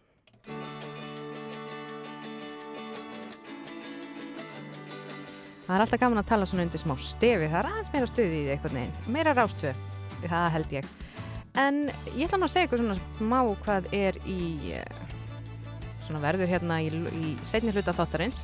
Þá ætlum við nefnilega að ringja austur á land og ég er búin að hafa upp á einni í Jökuldalum og hún sem sagt er þar með fjölskyldu sinni og, og er að aðstöða í söðbyrðinum og við ætlum að ringja og á svona, já, aðtöða hvernig gangi í söðbyrðunum og hvort að þetta sé ekki allt saman að ganga vel fyrir sig. Og svo ætla ég að halda með mitt eh, á Östurlandinu og ringja eh, til Egilstaða. Þar er ungt par sem hefur rekið veitingahús í elsta íbúðurhúsi bæjarins, eh, Ný, Níelsenhúsi, eða Nílsenhúsi og það er svona ár síðan að þau opnið og ég ætla að forveitnast um það. Hvernig bara gangi hjá þeim og hvernig lífið er á þessum tímum og hvort sé ekki bara spennt fyrir framhaldinu. Þannig að það er margt að gerast hérna í setni hluta sunnundagsagna en uh, við skulum næst heyra í Skítamóral, lagið Aldrei Ein.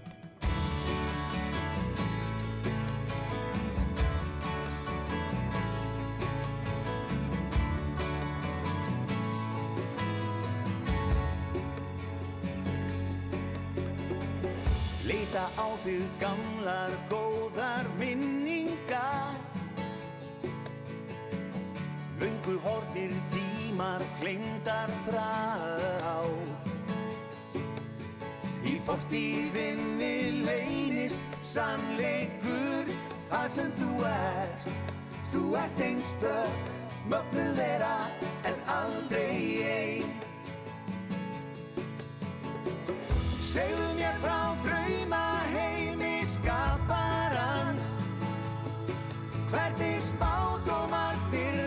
rætast og verða til. Hvernig myrkrið varpar tónum Hvernig tómið lýsist upp. Þú ert einstök, mögnu vera en aldrei ein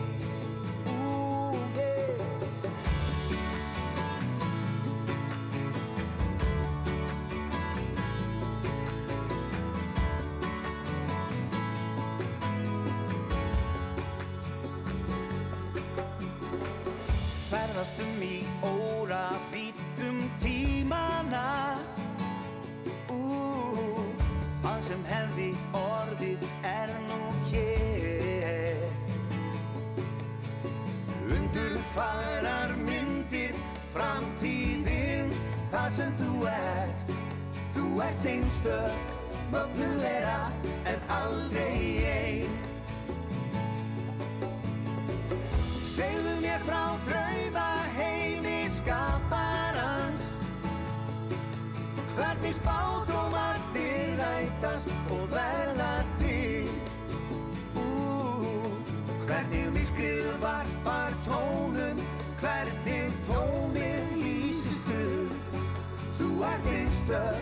mögnuð vera en aldrei ein.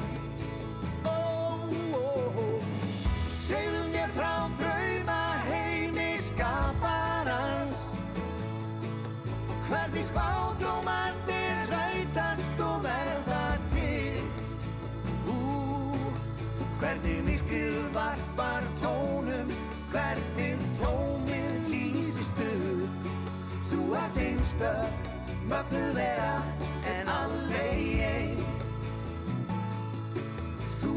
ert einstök, mögnuð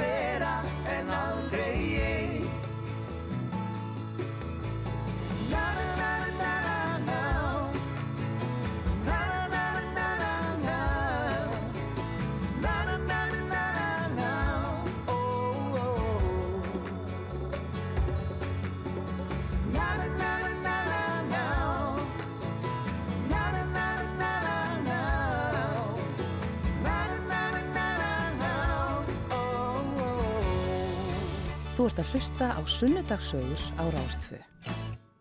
Já, við höldum áfram hér í sunnundarsögum á Rás 2 og ég ætla nú að ringja hérna næst í Jökuldalinn, fá að heyra hvernig söðburður gengur þar en uh, áður en við gerum það þá skulum við heyra hérna í Badly Drowned Boy með lagið Disillusion.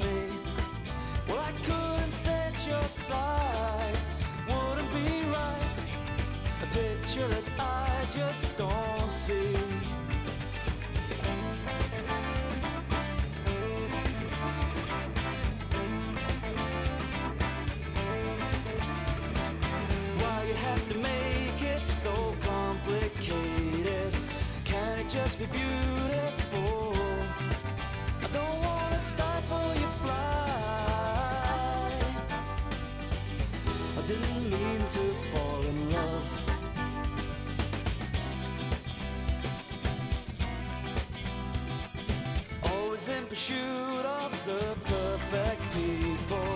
Oh, and I can see that it shows. Well, there's just an innocence in you. I wanna ring out. I know it could be beautiful.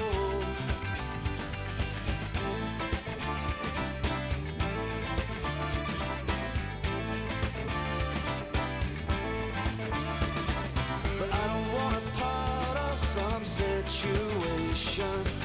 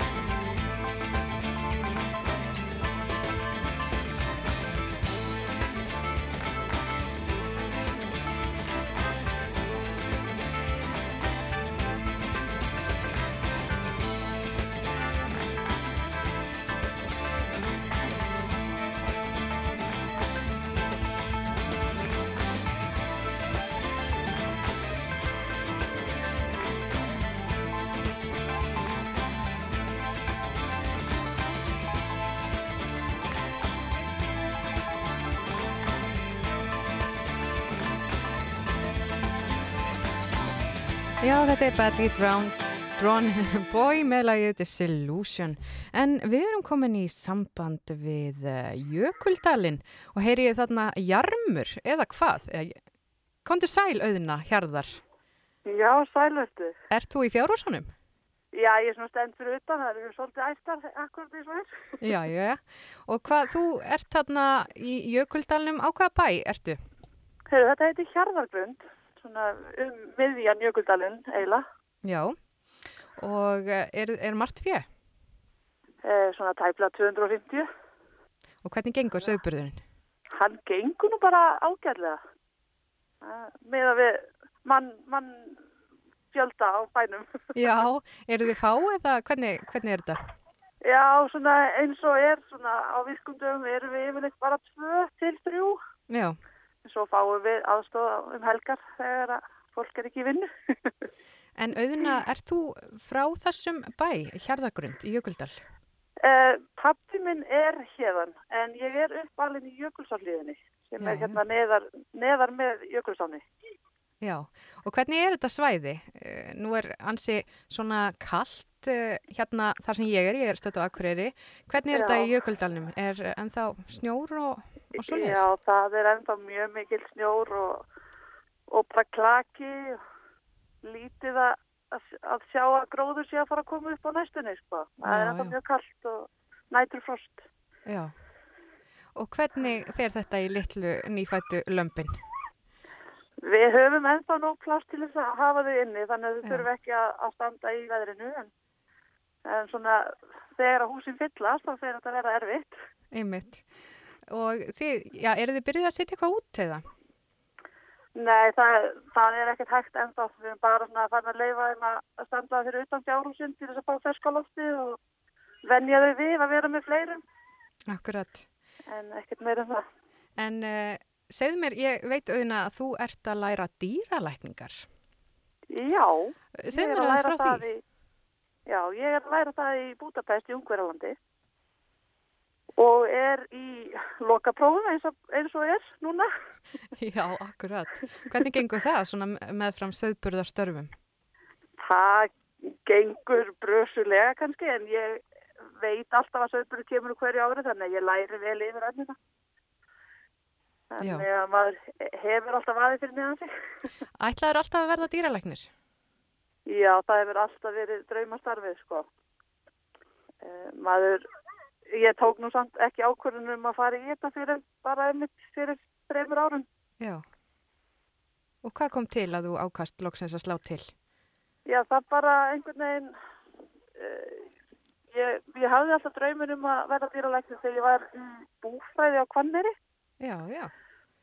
Svo fór ég aðeins að skoða heiminn og svona og, og það var ekki fyrir en að ég fór uh, 2016 til Thailand í sjálfbóðavinnum í fílatkvari Já. þegar ég áttaði mig bráði að ég á bara að vera einhvers stað nálagt dýrum ætti maður náttúrulega bara að fara í dýralegnin. Einmitt. Og þú valdi Budapest. Er það algengur staðu til þess að fara að læra dýralækningar? Uh, ekki fyrir Íslandinga. Við erum ekki nema tvö í, í skólanum frá Já. Íslandi. En er þetta En- alþjóðlegur hópur sem er þarna? Já, mjög. Uh, á bara allstaðar af heiminum, öllum heimsálfum. Mm Þannig að það er, og alveg sko bara í, á mínu ári, við, ég er að að klára annað ár og við erum alveg 160 í er nú í alþjóðlega náminu. Já, og hvað tekur námi langan tíma? Þetta er fimm og hálft ár. Mm. Þannig að það þú þarft að fara... Já, þannig að þú ert að stefna... eh, Veistu eitthvað hvernig þú ferð aftur tilbaka eða hvernig það verður? Nei, það er ennþá talað um að ég færi út í byrjun september en það er náttúrulega bara eins og staðan er núna þá er ómögulegt að segja til um það. Það, skólanum var lokast bara í byrjun mars og þá var allt sett bara yfir á netið og það var bara að býða og sjá eiginlega. Já, þannig að þú ert að dunda þér við lokaprófin á netinu úr. Jökuldalnum. Já, Og hvað, hvað, hvað er næsta próf hjá þér? E, næsta prófi veirufræði. Jæja, það er nú spennandi. Henda vel, vel við þessu faraldri og Já. það lært hansi vel.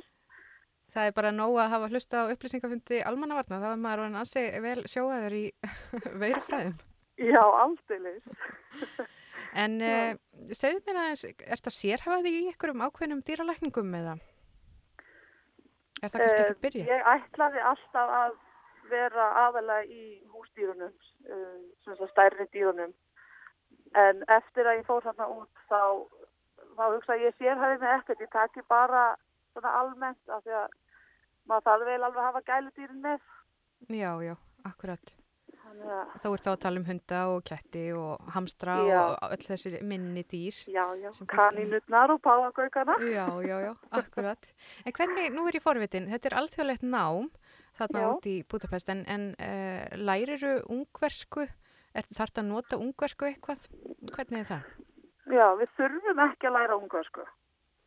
En skólinn býður upp á val áfunga í ungversku þannig að við náum svona grunnhugtökunum og það hendar mjög vel að taka það af því að ungverjar eru nú ekki droslega mikið í því að, að tala ennsku.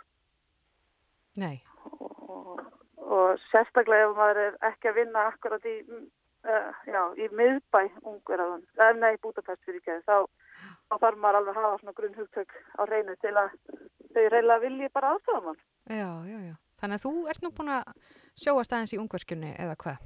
örlítið. Það getur alveg svona allavega sagt svona helstu hverjur og svona. Já, farið í búðina og svoleiðis. Já, já, Mhm. náttúrulega.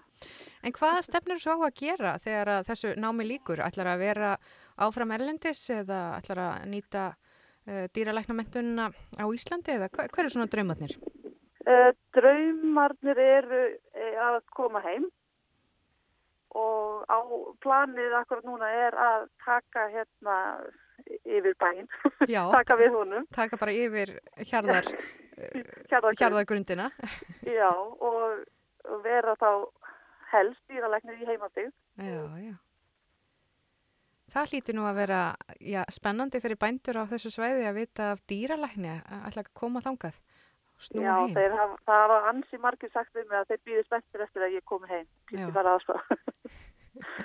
En hvernig nýtist svona sögburðar vinna núna í bara náminu? Er, er mikið svona sem að þú getur nýtt þér?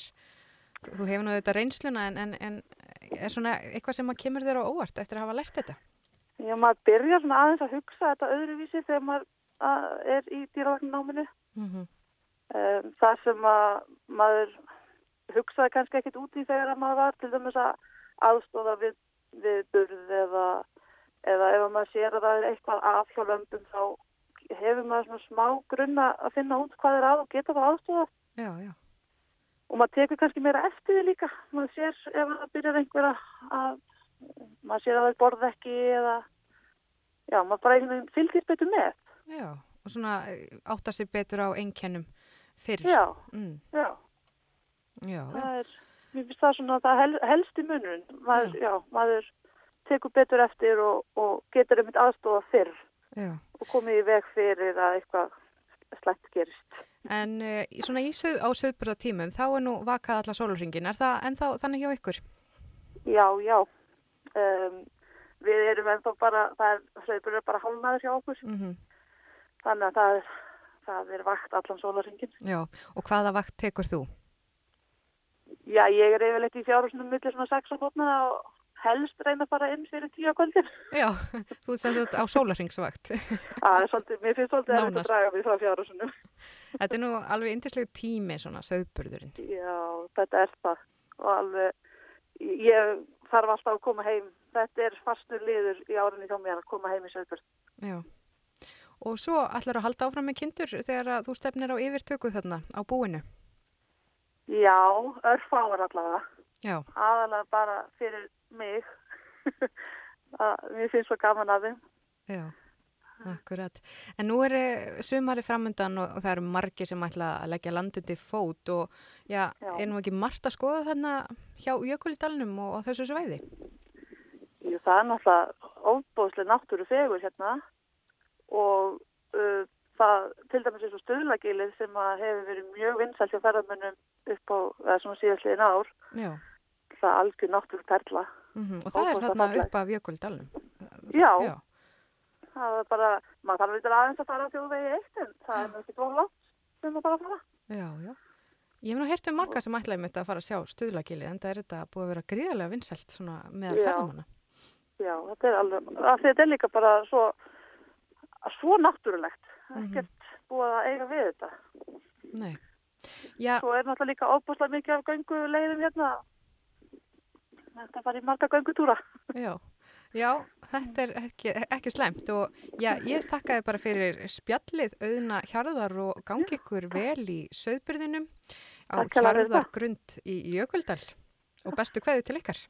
Já, takk hérlega fyrir það sem við leiðis. I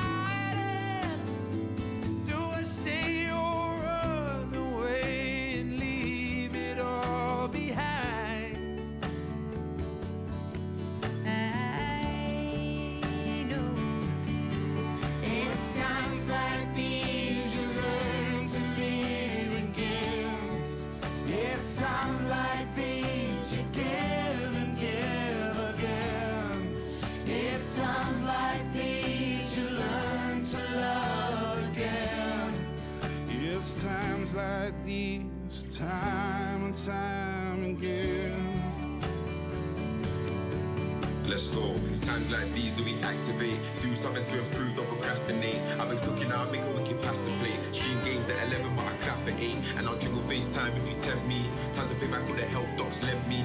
And for me, West 10's elementary. But right now, I wanna see go empty, you get me?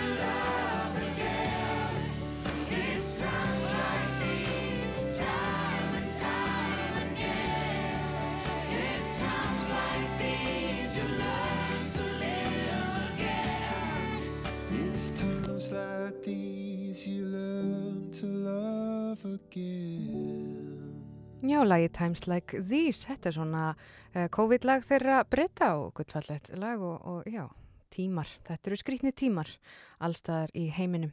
En við fáum hérna auglýsingar og öllitlega tónlistaðarum við ringjum til Egilstað og ætlum að forvetnast þar um veitingastað sem að, eh, já, er í einu elsta húsi Egilstað.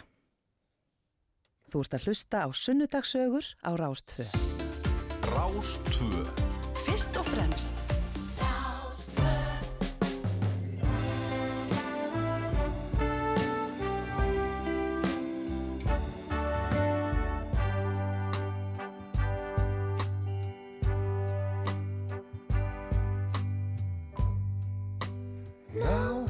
Náttúran er nakin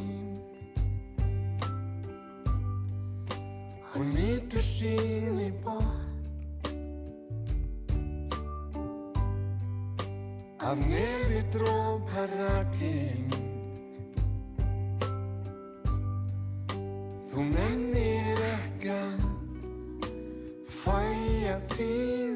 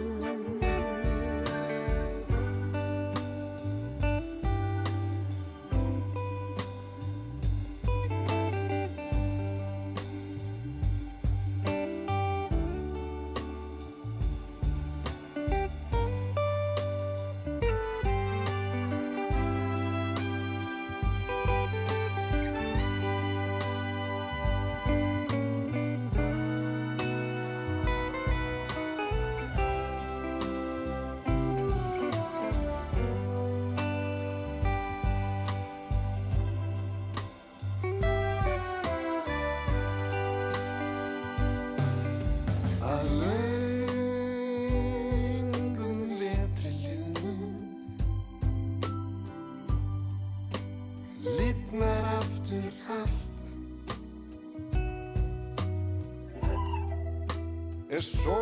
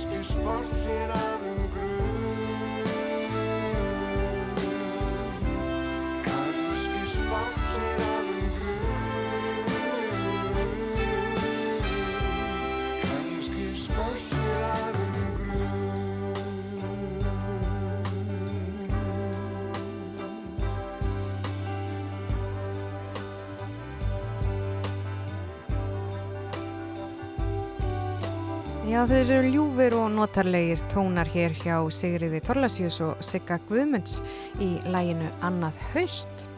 En uh, við ætlum nú ekki að vera á neinum haustnótum, við ætlum nú bara að heyra í henni Solveig og Ettu Bjarnadóttur. Hún er á eigilstöðum og er á línunni. Konti sæl Solveig? Sælblessuð. Jæja, hvað segir þið á eigilstöðum í dag? Við segjum bara ljómandi gott. Já. Við erum svona okkur að fara að lengja svolítið eftir uh, hlýri vordögum en, en það er samt fallegu dag í dag. Já, einmitt, það er nefnilega, það er kannski hansi haustlegt bara. Já, það er nú ekkert búið að vera sérlega hlýtt voru hérna fyrir austan sko, en uh, það er, ég held að þetta sé alltaf skána, ég held að þetta komi í næstu viku. Já, maður krossa bara putta. Já. En uh, þið eru nú með, og eru búin að vera með núna í ár eða svo eh, veitingastað. Já. Segð mér aðeins frá honum. Já, ég og, og maðurinn minn Kári fluttum yngar fyrir uh, rúmu ári og opnum, opnum veitingastað eh, sem heitir Nílsen Restaurant Já. uh, þann 9. mæ fyrra, þannig að við erum bara ný, nýjóra neins Já, til ekki með það. Já, takk fyrir það. Og hérna, já, hann er, þessi veitingastæður er sérst í, í elsta íbúðarhúsi bæjarins. Og hérna, og við erum að, já, leggjum áherslu á, á Íslands þráfni og, og notum það sem við höfum hérna í sveitanum í kring. Mm. Þú segir að þið eruð í elsta íbúðarhúsi bæjarins. Síðan hvenar er það hús? Það er nú ekki mjög gammalt svona með að við aðra bæri. Eh, Það er byggt 1944, Já. samt elsta húsi í bænum. en hérna, þetta er náttúrulega ungu bær, mjög ungu bær. Þannig að hérna, þetta er elsta húsi og var byggt, byggt af hérna, danskum manni sem heit Já. og sem að sagt, eh, er ástæðan fyrir nafninu á, á veitingastannum Nílsen restaurant. Akkurat. Hún séður alltaf kalla Nílsens hús. Já, og hefur margs konar starfsemi verið þarna? Nú svona oft með gömul hús. Já, þetta var náttúrulega, já, það er rétt. Það, það var náttúrulega íbúarhús til að byrja með, þar sem Nílsen eh, bjó með fjölskyldum sinni. En, en svo hefur þetta gengt ymsum, ymsum hlutverkum. Þetta hefur verið búð og þarna hefur verið tónlistaskóli og það hefur, svo hafa verið hérna kaffihús og, og veitingahús á undan okkur sko. En, en, en síðustu svona 15-20 ára hefur þetta alltaf verið í einhvers konar veitingabransa. Já, já. Og hvað hva kom til að þið ákveðið eh, að, já, stökkva út í þetta, að taka þarna yfir þetta hús og, og byrja með veitingastað?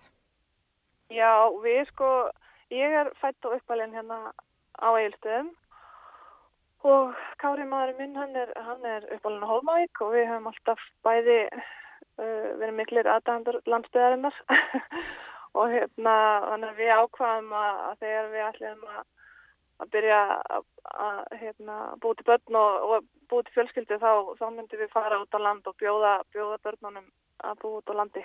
Já, það var það sem við vildum fyrir þau. Þannig að við ákvaðum bara að, að flytja okkur, búin- bæði búin að vera í Reykjavík í svolítinn tíma og hérna, þannig að okkur langaði að fara með börnum út á land.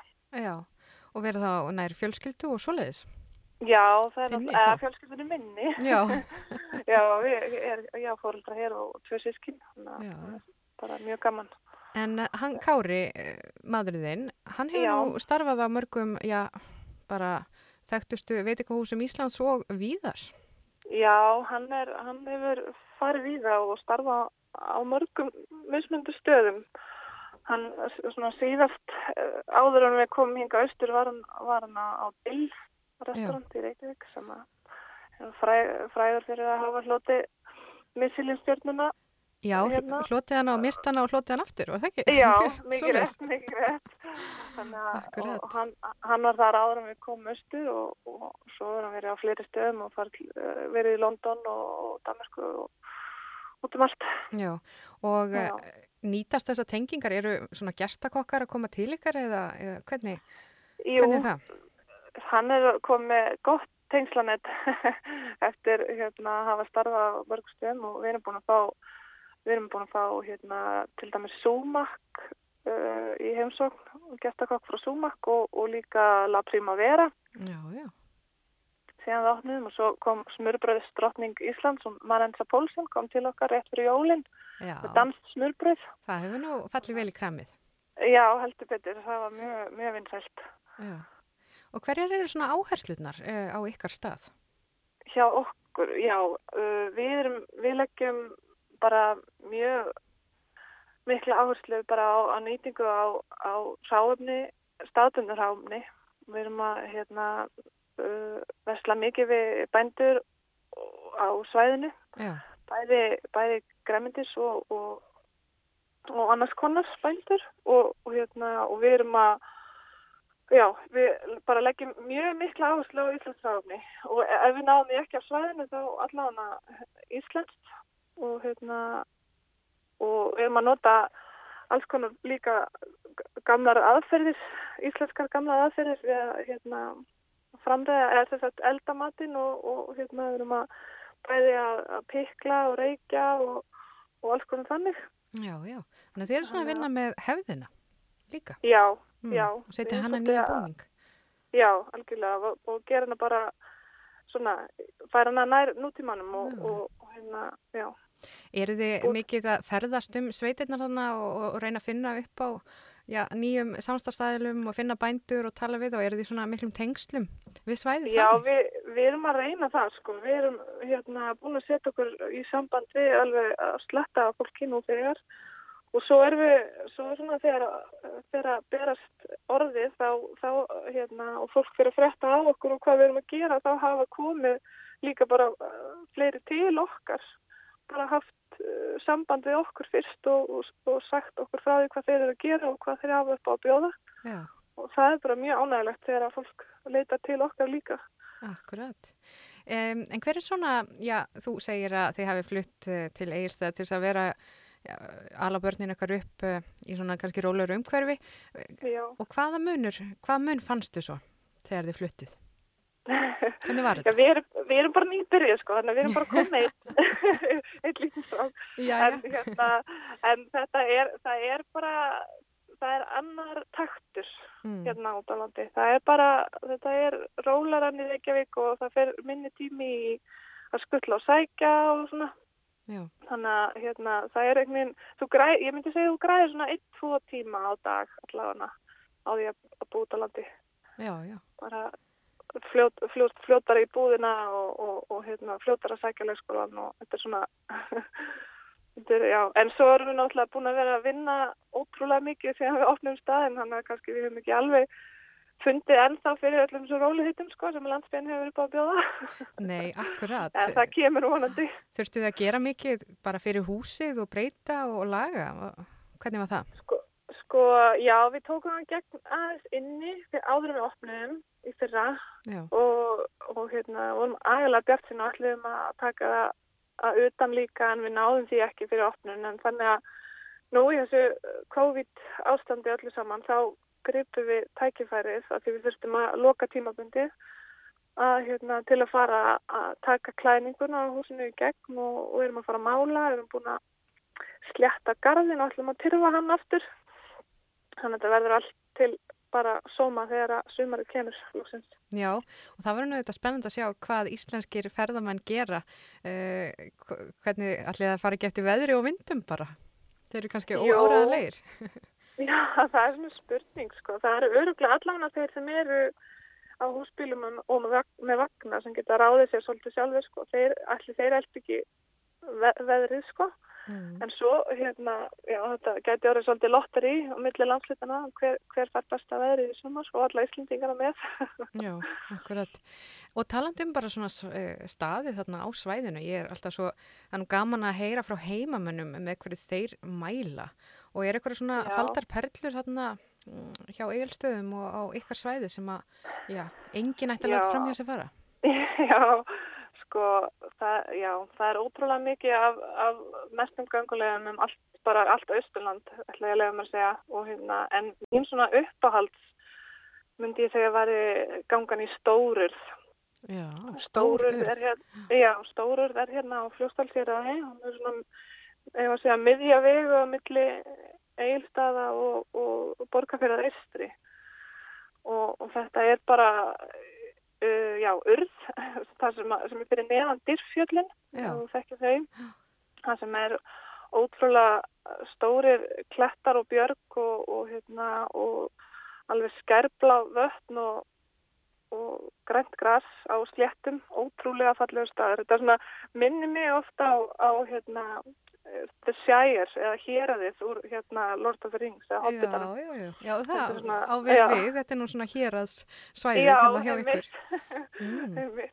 Þannig þetta er, þetta er ótrúlega fallegur staður og bara eina af fallegustu perlum Íslands myndi ég segja. Já, já, er þetta er- erfið ganga eða er þetta fært svona bara öllum? Hún svona? er ekki, hún er ekki, ég myndi ekki því hún er erfið, Já. en það er kannski bera varast að ef maður fyrir snemma sömri til þá er oft, oft svolítið snjór á leiðinni þegar hún er hátt uppi, en, hérna, en hún er ekki erfið, en, en, en ég myndi alveg gefa mér samt dag í að fara fram og tilbaka því maður getur alveg eitt dágóðum tíma að, að ráða um þarna í, í stóruðinni sjálfuri og skoða bara og, og njóta. já, og anda að sér svona ævintýra ljómanum eins og lýsir. Þetta er svona eins og bara úr, úr hérna ringadróttin sögu. Já, einmitt.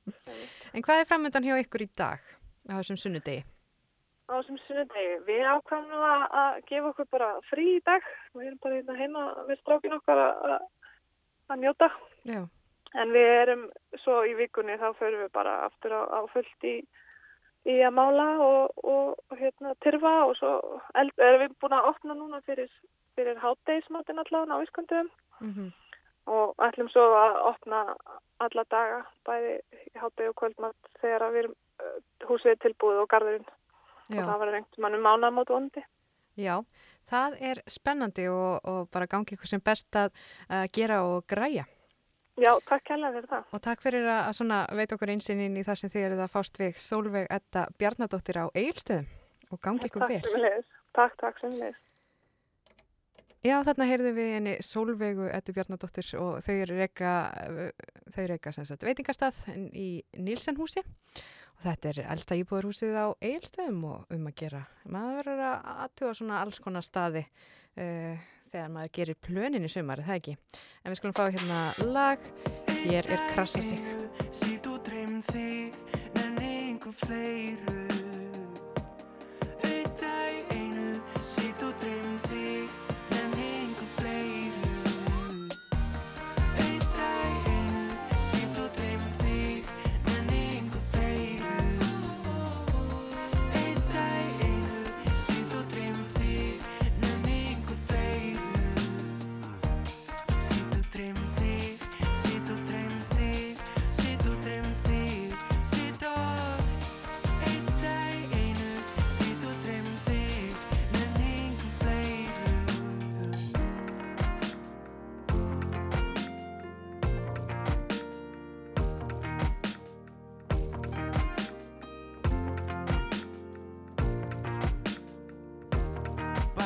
Missa sig Passa sig líka Passa sig líka Snýst um jafnvægi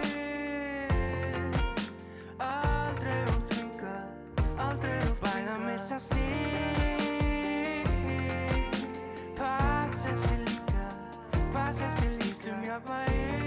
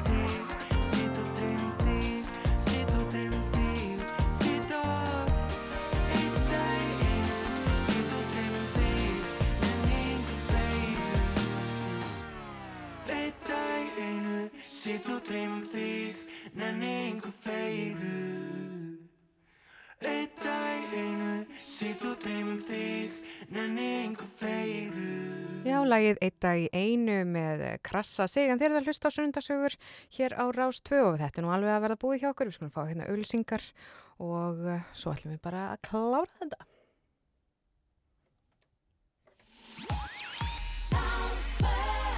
Já, við erum nú ekki alveg að klára þetta, nú ætla ég aðeins að hérna, taka ykkur með í tækni málinn kæri hlustendur. Ég þarf aðeins að bakka hérna. Það er nefnilega alls konar takka sem þarf að græja en nú koma auðlýsingar. Fyrirtækja kjarni Arion banka er í Borgartúni átján. Þar bjóðum við fyrirtækjum fyrsta flokks þjónustu og ráðgjöf. Arion banki. Þægilegri bankaþjónusta fyrir framtíðina. Þegar þú kaupir fisk í matinn kemur kippur í atvinnulífið. Þegar fisksalinn fer í klippingu kemur annar kippur. Þegar rakarinn gerir matarinn kaupin á netinu kemur kippur sem heldur áfram og stækkar þegar lagerstarfsmæðurinn fer með fjölskyldunni í helgarferð til Ísafjarðar í sumar. Allt í einu er allt komið af stað á ný. Atvinnulífið er líf okkar allra. Íslenskt, gjörið svo vel.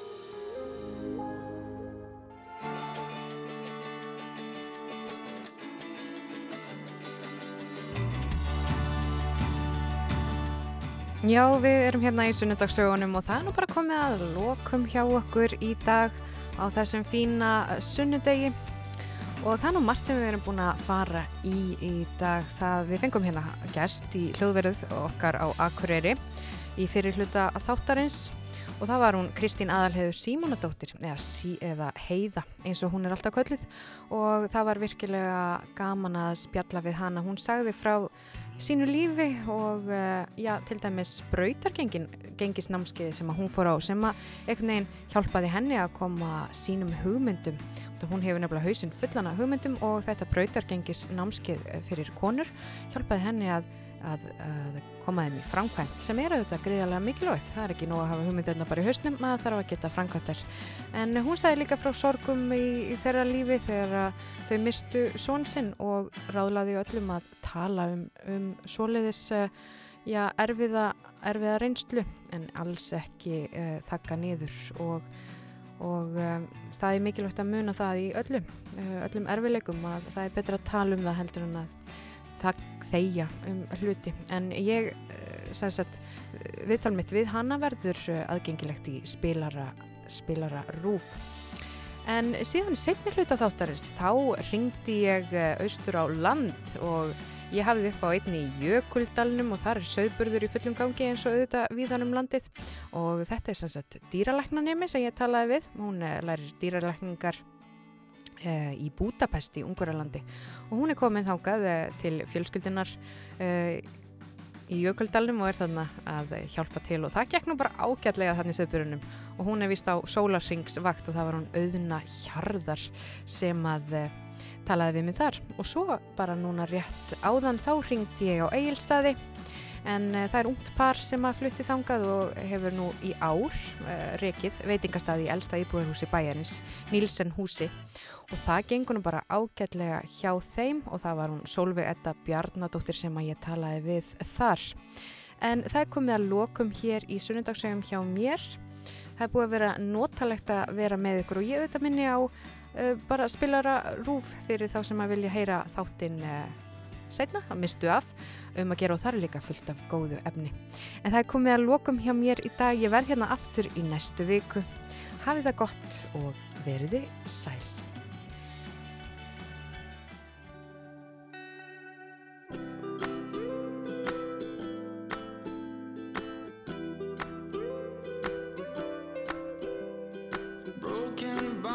On the bedroom floor. Sleepless nights, no Lord, no more. You pull me in so you can shut me out again and again and again. Is it too late for love? Too late for apologies? Too late to find a way home? Whoa, throw me a lifeline. Why are we drifting apart? Throw me your lifeline, I'm missing your touch. I can't live without your love.